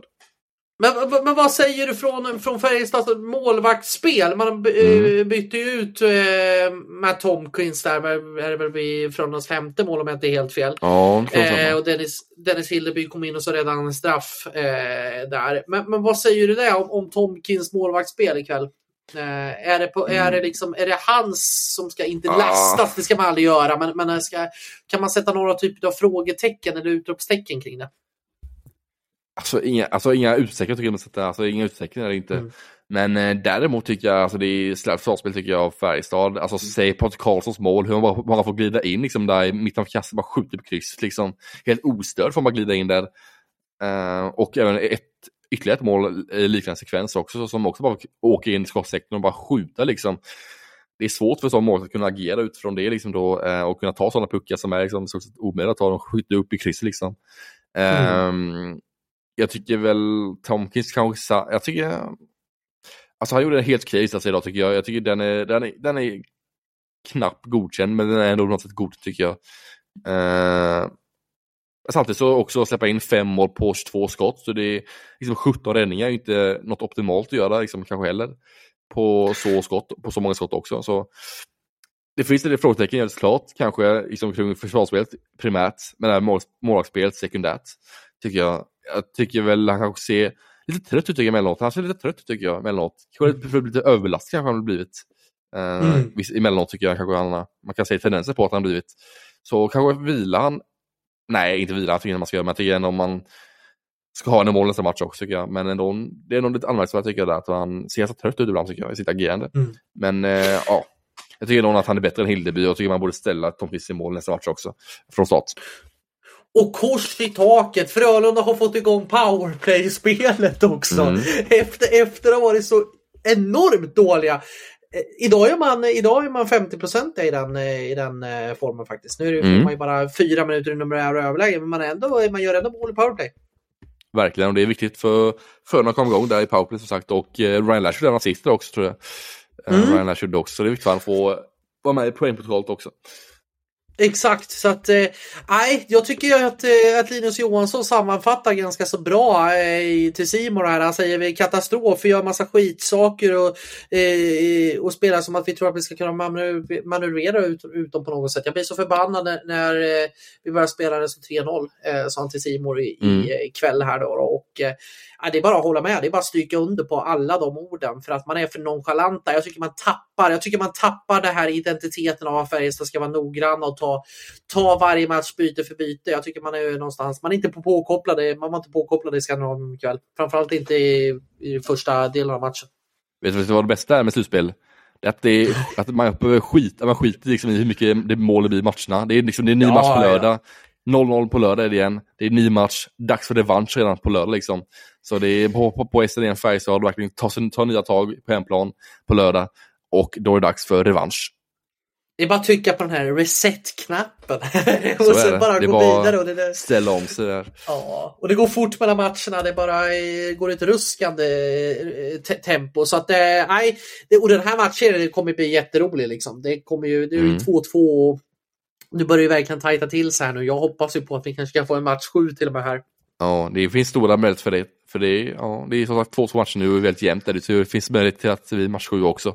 Vilket vi såklart hoppas på. Verkligen, en Game 7 i Karlstad hade man inte tackat nej till. Mm. Nej, det gör man mm. inte.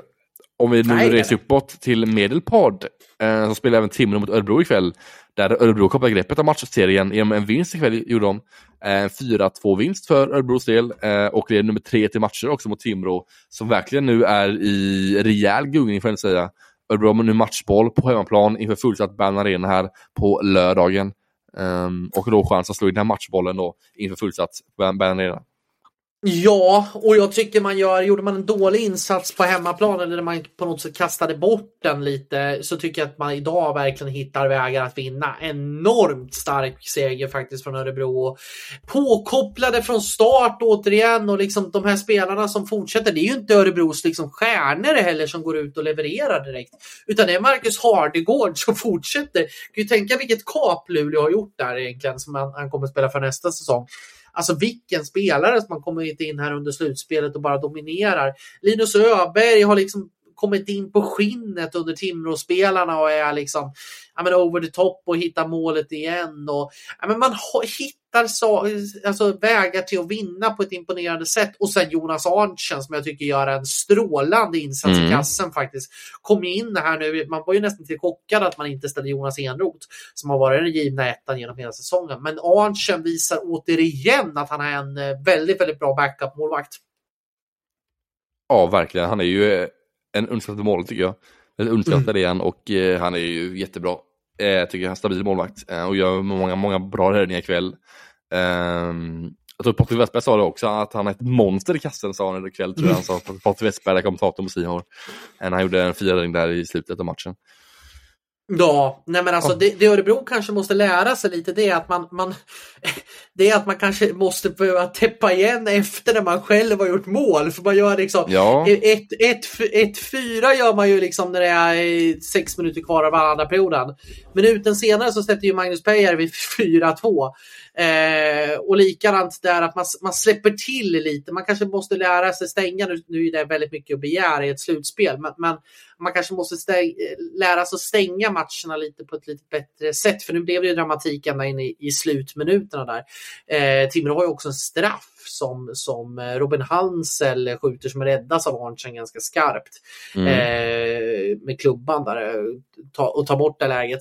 Så att nej, det, det finns vissa saker och framförallt att Örebro kanske inte har fått igång de här poängspelarna riktigt. Mattias Bromé har ju inte kanske riktigt levererat på, i poäng.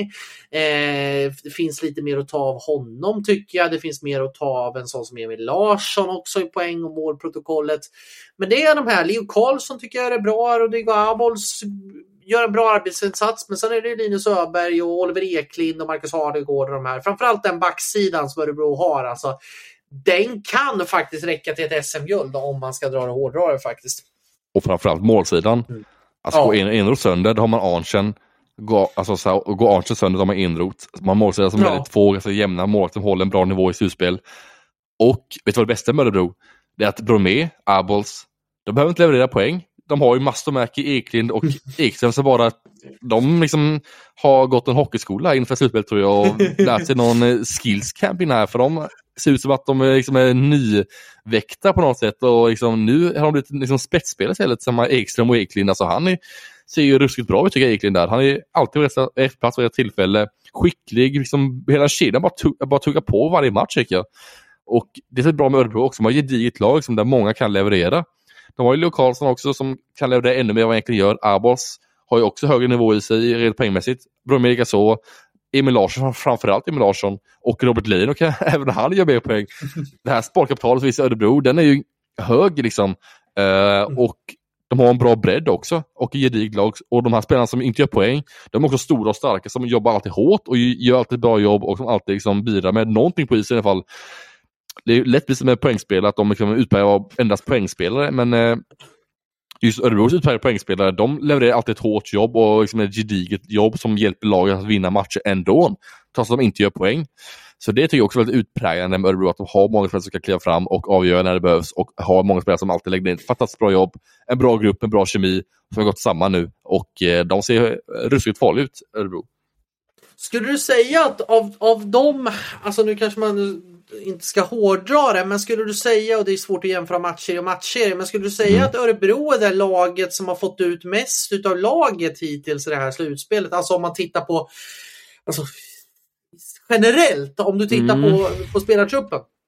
Är det Örebro som är, är den som har fått det att klicka bäst om man tittar till, till eh, de slutspelslagen som finns kvar här nu? Ja, det tycker jag definitivt. Eh, att Örebro har fått det klicka mest. Alltså de har fått liksom allt att stämma egentligen tycker jag spelmässigt. Jag tycker det finns alltid, de här andra lagen som man spelar nu, de, alltid de har så här, de har, alltid finns tveksamhet tycker jag kring varje lag. Växjö har tveksamheter kring offensiven tycker jag, deras produktion. Tycker det är mycket tveksamhet och svajigt anfallsspel gång efter gång tycker jag. Där måste de verkligen förbättra och kunna liksom bli liksom utmanade på riktigt sen om ett SM-guld. Jag tycker Rögle, eller Rögle har ju liksom kapacitet att, att spela ännu bättre än vad de egentligen gör med tanke på vilka spel de har och SAR, Skara och sånt. Så där finns ännu mer kapacitet att ta av. Framförallt Skellefteå också tycker jag, där finns också ännu mer kapacitet att ta av och eh, de har inte heller fått ut allt som man kanske önskar sig av dem. Um, och så Luleå ganska uträknande.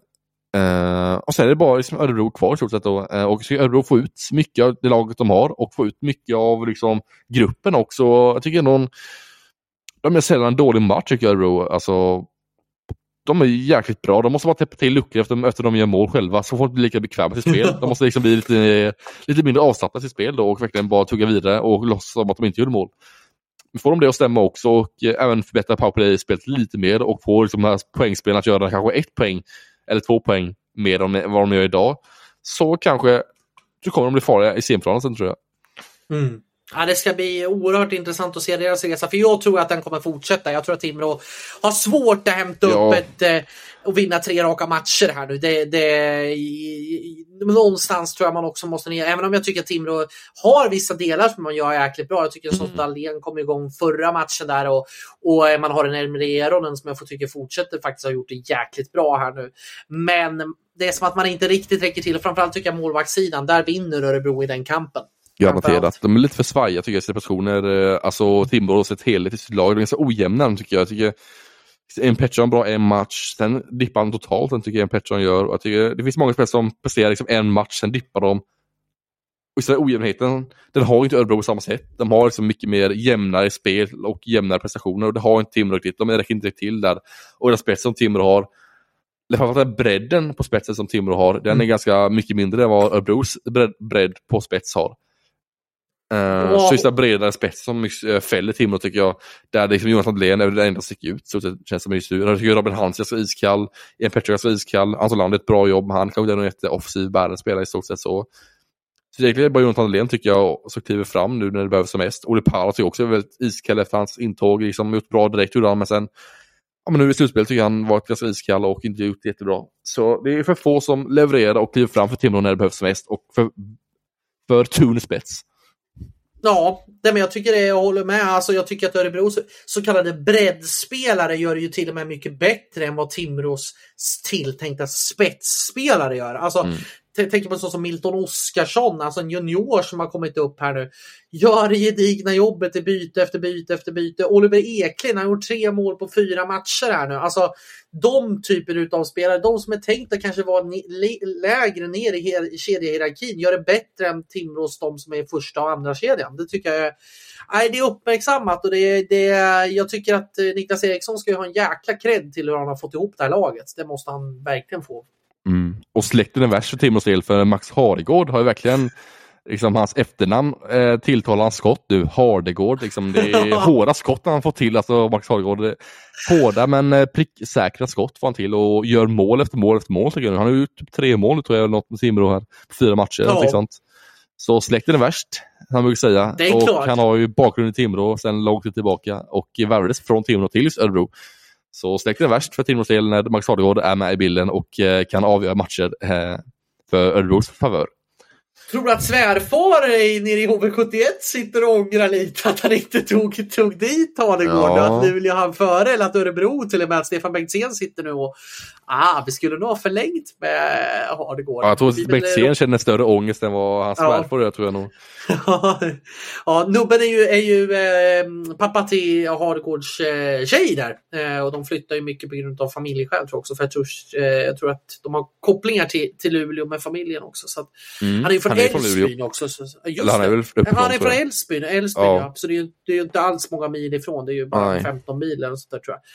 Nej, det, och jag, jag såg inte den här utvecklingen komma för jag tycker att han har, han har ju alltid haft bra skott men jag tycker inte att han har träffat mål. Han har inte riktigt haft siktet och riktigt den här, ja, men inte den vågat ta skotten så ofta heller och nu går han in och bara briljerar. Alltså, det, är, det är otroligt och det brukar bli sån ketchup-effekt när du får igång det och titta på den här backsidan. Idag får, får de också in Filip Holm också på ett helt annat sätt som har varit skadad här nu som eh, också går in och gör mål, blir målskytt här nu till 4-1 då i matchen och kom, tycker jag såg också bra här nu. Han har sett lite halvsvajig ut efter skadan men idag tycker jag att han såg ut att kunna vara tillbaka i alla fall på kanske 80% av sin nivå. Så det är ju också en förstärkning för deras del på backsidan. Exakt. Och med de orden Andreas tycker vi stänger matcherna som varit nu, blickar framåt mot morgondagens matcher, lördagens matcher, söndagens matcher och måndagens matcher och sen då på, eller på måndag kväll ska vi podda igen. Är tanken. Jajamän. Eh, Så det är en del matcher innan dess eh, som ska beskådas för vår del. Eh, och eh, Andreas, har vi något lyssnarfråga också som vi kanske ska ta upp här innan vi stänger för kvällen. här. Det börjar närma sig midnatt här nu. vi. Klockan är 23.58 just nu. Uh, spelat in en timme och 40 minuter nu och det börjar närma sig midnatt här för vår del. Så om vi låter lite halvtrötta så är det därför helt enkelt. Men har kanske någon Exakt. lyssnarfråga kan eh, klämma in här innan vi men vi stänger har, kiosken för idag. Mm, ja men det har vi faktiskt. Vi har eh, Henrik Andersson. Henrik Andersson, vår trogna lyssnare. Vi måste från, från Karlstad. Jag tror att han är från Karlstad i alla fall. Han håller i alla fall på Färjestad. Eh, Hanna Lodin i eh, FBK. Och kan Jesper Kandegård vara ett namn för FBK nästa säsong? Center och fortfarande ung och utvecklingsbar. Eh, Mm. Lodin, ja men där har det varit lite snack sedan tidigare. Det var väl Mr Marrow som kom ut med uppgifterna där. Han har ju tidigare Idag, käkat pannkakslunch. Ja, käkat pannkakslunch med nubben tidigare. Och sen så har han ju, eh, var det Mr Marrow som sa i upp, uppgav idag att flera lag är ute efter honom. Bara Färjestad var väl ett. Han hade besök i Karlstad med. Uh, Oh. Uppgav de. Mm.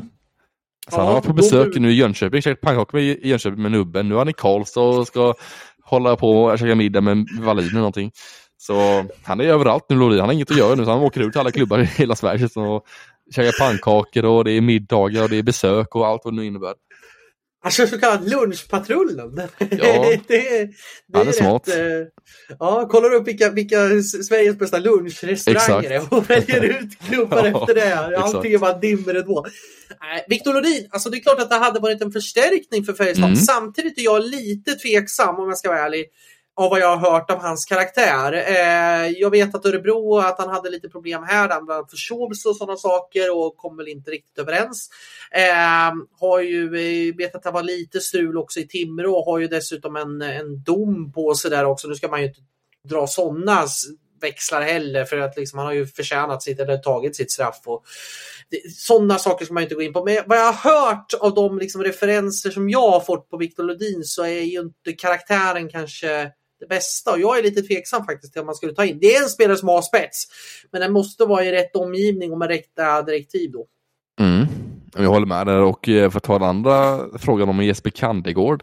Och Mm. jag, jag tror inte att det skulle vara någonting Färjestad, tycker jag inte. För jag tycker Färjestad har ganska så många sådana spelare. De har också Max Westfeldt med som spelar tycker jag, som är lite yngre, som är som en tredje fjärde center och sådana spelare har man redan tycker jag. jag tycker han är inte tillräckligt bra för att vara spetscenter i Färjestad.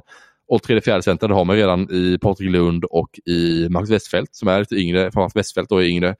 Eh, och som utvecklingsbar också. Som är lite samma typ som Kannegård. Så jag tycker de har redan den typen av unga spelare som lägre ner hierarkier hierarkin som kan utvecklas.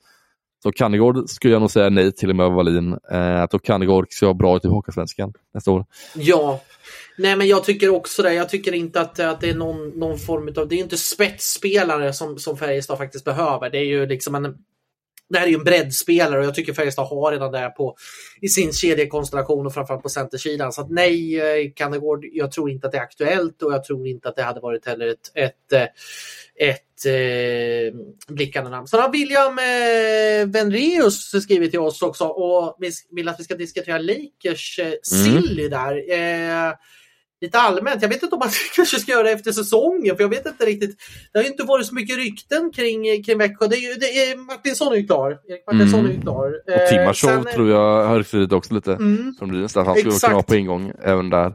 mm. Eh, men utöver det så tror jag inte det har varit så mycket mer rykten till eh, Nej. Växjö. Glenn Gustafsson försvinner ju. Eh, Filip Broberg är klar också från Södertälje ska sägas. Backen, unge backen. Så ja.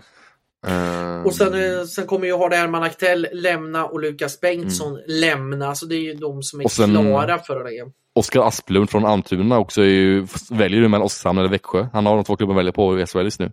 Så han är också på kanske, kanske eh, 50 chans att han ansluter till Växjö också. En ung back där, är den bästa, gjorde 30 poäng i fjol för Almtuna Hockeysvenskan och är ju en ledande juniorback i Hockeysvenskan. 19, jag tror han är 19 år gammal, någonting sånt. Så ja, det är en ung talangfull backlöfte som finns där. Som, skulle, som ryktar lite till Växjö för att eh, koppla till Växjösiglet där. Han, uh, han, hade väl också bud på sig från Brynäs tror jag, på deadline day eller något sånt där. Jag tror att han, det var väldigt nära, men det, det var att Almtuna mm. inte ville släppa sina spelare, men att det var lite snack på deadline day att, att vissa lag hade eh, visat intresse. Men, Även Skellefteå tror jag också var intresserad av eh, mm. Asplunds tjänster. Så det är ju en, det är en intressant spelare som man verkligen ska ha under lupp. Men i övrigt så har vi inte så mycket. Det kommer säkert landa in av tunga värvningar till Växjö, det är jag helt övertygad om. Mm. Men det blir ju lite mer snack kanske efter säsongen. Henrik Evertsson brukar ha koll på den nordamerikanska marknaden och brukar kunna göra en sån där riktig dunderskalp här. Men eh, vi får nog vänta någon, någon, några veckor tills vi får lite mer surr kring eh, Växjö. Men då kommer vi självklart ta upp det i podden. Kanske det blir åtkomst för Jack Drury eller Olle Leksell som båda ut kontakt. Ja just det, Drury hade varit jäkligt ja. cool. Båda de spelarna hade varit jäkligt coola faktiskt. Det är också ganska låg sannolikhet för att eh, framförallt Lycksele ansluter för han har haft en galen säsong i AHL. Eh, ja. Men Drury kanske inte helt otänkbart men kanske inte jättetänkbart heller. Det får vi se. Nej. Det är, så kallat, det är en så kallad kantboll som vi brukar kalla det. Det är en eh, kantboll av dess like, ett långskott som landar ja, över målet. ja, ja det, det, som... det, ja, det landar någonstans. Det är, sådär, det är ett sånt här skott som Emil Kåberg sköt i Örebro från egna zonen och gick rakt in i mål. Det är, ja. det är ett sånt, fast det, fast det ska mycket till om den här ska gå in i mål. Det kan lika ja. gärna gå upp i, i droppnätet borta. Så att, det är mer av en DH6 eh, som är, blir detta långskottet inte. Ja du, det är ungefär som jag sköt mina slagskott när vi körde, när vi körde eh, landhockey när jag var liten. Det är ja. den karriären jag har haft som, som störst eh, på hockeymeriten faktiskt. Jag har stått i hockey men var för dålig faktiskt. Jag var urdålig som målvakt. Som målvakt i hockey? Ja. Mm. Fy fan vad dålig jag var. Släppte in liksom, jag tror jag snittade så här 15 mål insläppta per, per match i vårt liksom juniorlag. Och det var så jävla tråkigt för det var ingen som jobbade hem. Utan jag stod där ensam och fick släppa puck efter puck efter puck. Till sist så sa jag så här, sist kommer jag ihåg min sista match, jag kastade målvaktshjälmen och så sa jag där, nu, nu får jag fan sluta med det här. Så att, men ändå så sitter man här i en annan roll i hockeyn. Så att det, ser hur det kan gå. Mm. Jo, Sunitsin i Oskarshamn där som hade samma antal mål där. Han har också ett snitt på 18 mål. Hade han kollat snabbt här. Ja, 18,65 insläppt mål hade han. Spelade en match fram där han sett mot Örebro. Då, släppt in typ sju mål på sju skott. Då. Eh, och ja, det... eh, hade 18 i antal insläppt mål, alltså i snitt då, under en match. Här. 50 procent hade han. Så jag håller samma nivå Andreas och du och han och Alexander mm. Sunitsin där som Oskarshamn sa på en eh, kort session. Så en enda match blev i tröjan och det blev en misär för hans del. Jag kan säga att jag var inte ens nära hans nivå och ändå var jag så urusel. Så det är liksom, oh. det är liksom nej. Hur har din, vad är din närmaste hockeykarriär? Vi har ju liksom inte... Ja, det är väl eh, spela hockey på vintern med grabbarna typ eh, på en nyspolad is i något eh, ortsområde det är väl det, man kommit närmast hockeyn. Man är glad med åkskridskor, liksom. man kan åkskridskor, man är glad för eh, att ta några skär sådär. Men jag tror det, alltså, jag känner mig nog ganska brunk som får där. Jag, är, alltså, jag, jag är nog 92 lång, väger typ 85 kilo, alltså, jag kan hålla ifrån mig. Så jag är ganska skicklig med klubban. Är jag. Jag, jag ska inte säga det, jag är nog lite skicklig liksom, med klubban och har naturlig intelligens där med klubban. Så, men däremot med skridskoåkning, det får ju liksom eh, Jerry Karalahti att framstå som Conor McDavid ungefär. Ungefär den eh, stilen. Jag tänker. Det går inte fort framåt men eh, ändå när jag får pucken med klubban då kan allting hända. det, är, det är charmigt, det är ruskigt ja. charmigt. Ja, det jag kan inte vända mig heller. Jag, jag, kan åka rakt fram också. Jag kan inte vända mig ja, Jag kan åka rakt fram. Och bromsa knappt jag kan göra det. Jag slänger mig typ för att kunna bromsa. Liksom. Snövallarna, de klassiska snövallarna vid sidan av. Får jag en pass Ja, bakom ryggen så är det helt omöjligt att ta den för åker jag vidare. Men, men vet jag, vet, vi hade ju fantastiska matcher. Jag är uppväxt i ett, i ett, radhusområde i Örebro och uppväxt med sådana fantastiska grannar. Så vi körde ju alltid liksom, vi körde ju hela nätterna.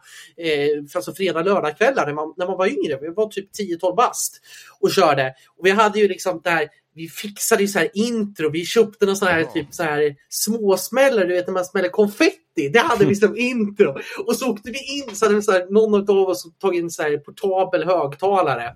Eh, och körde liksom den final countdown när vi åkte in där. Och sen var vi så oense ibland. Vi var så oense. Så det började med att vi började installera en målkamera faktiskt. Jaha, målkamera. Ja, ja. I målet för att kunna analysera så skulle vi liksom debattera hela tiden om det var mål eller inte. Nej, fantastiska barndomsminnen som bubblar upp här nu faktiskt. Men, Hade inte Sweet Låt- Caroline som mållåt också? Vi, vi hade ingen som kunde dra på det, men jäkla vilka matcher. Och jag kan säga, de hade en häck vid sidan av där, alltså en, en trädgårdshäck. Eh, och jag kan säga den häcken, den har aldrig tagit så mycket stryk som det gjorde under de, den, eh, den tiden när vi spelade handhockey. För folk flög över det där. Jag kan säga, det var inga, det var inga fina tacklingar det kunde delas ut där. Nej. Riktiga tjuvsmällar. Så att, eh, nej, rolig, eh, rolig throwback faktiskt till ungdomen här nu. Ett sidospår eh, av dess like, så. Hur kommer ens in på detta är frågan. Jag kommer knappt jag kommer ihåg själv hur jag ska på detta, men eh, ja, det är kul när det händer också. En liten sidospår där också, lite mer eh, man sig oss själva. Men det Ja, gillar ja, vi det är att göra. Det är vi klart. vana vid att göra den här podden, så det har ni nog vant er Det är vid nu tror jag. Vi gillar sånt. Men du, vad säger vi? Ska vi stänga butiken så hörs vi på måndag. Så får önska en eh, trevlig fotbollsupplevelse uppe i Mm. Stockholm här nu för dig. På, hoppas att Sverige vinner. Jag ska, själv ska se den på tv tillsammans Mm. med massa andra matcher. Jag ska sätta upp mitt kommandocentral här i Ja, hemma exakt. Örebro. Ja men det tackar jag för. blir- Eh, så får vi se om Sverige vinner mot Belgien inte i fotboll där, EM-kvalet. Och så får vi se om eh, kanske Färjestad kapar greppet här på lördag. Eh, vinner med 3-2 matcher. Eller blir det? Mm. Vad händer där? Och- Vad händer i Örebro? Örebro klara. Ja. Mm. Kan Örebro vinna och Växjö kan vinna. Mm. Då blir det semifinal de två. Ja, det är mycket intressanta matcher nu som eh, det närmar sig sitt klimax här nu i kvartsfinalserierna. Eh, och mycket spännande att se fram emot. Verkligen. Såg du att eh, Frölunda förlängde med Götes son också? Ja, just det. Erik Borg. Mm. Mm. Det. Exakt ja, jag var, jag var Ja. tvungen att dra den. Ja, Eh, mm, jag kan, vi kan ju avsluta med en liten sån här fredags, eh, fredags eh, skämt också. Vet du om man, om man lägger en krabba i en, eh, ett ölglas, vet du vad som händer då? nej. Ja, det börjar ju gå framåt. För det blir ju motsatt effekt i och med att den går ju sidled annars. En krabba går ju sidled och dricker Ja, du väldigt det- mycket alkohol så får det ju motsatt effekt. Jaha, du menar så ja. Ja. Det är ju Det, jäkligt det var långsökt. dåligt. Det, det, var, det var riktigt, det var Ja. riktigt dåligt. Riktigt dåligt. Riktigt dåligt. Nej, se, se om vi ska... Mm, Tveksamt om bättra fattar den här från början. Jag tror det tveksamt om Nej. fattar den från början. Nej. Så helt ärligt. Nej, den var, den så var, jag den var, den var, jag den, den var svag. Den var, den var Ja. riktigt svag. Var den. Riktigt, riktigt, riktigt svag. Det var, den var, det var ett av mina svagaste segment jag gjort Ja, i poddens historia. Det håller jag helt tror med om. Ja, jag Ja. får försöka bättra mig på den Ja. fronten. Men med Ja. den svaga, halvtaskiga Göteborgspappa-skämtet så Ja. tycker jag vi lämnar torsdagen. Ja, det är fredag nu till och framåt med. fredag. 10 över 12 klockan är det. 10 minuter in på fredagen. ja, ja. Nu, nu, nu börjar helgen. Ja, exakt, nu Nu börjar helgen. Nu, helgen. nu börjar hockeyn att närma sig klimax. Hockeyn! Nu börjar Hockey. hockeyn. Ja, Nej, det är 19 timmar till det är slut. Exakt, Det, exakt. är- det är bara det. Nej, de kör helt slut i hjärnan känner jag. Nu är det Ja. mycket match i huvudet här och mycket saker i huvudet här. Så nu tycker jag vi avslutar podden för denna veckan och blickar mot nästa vecka på måndag igen. Då Det hörs igen, vi. Andreas. Och sen en ny podd på tisdag. Och eh, ja, mer ser fram emot. Absolut. Vi stänger butiken. Ha det, det bäst med er. Trevlig helg på er. Hej då, hej då. Hej då.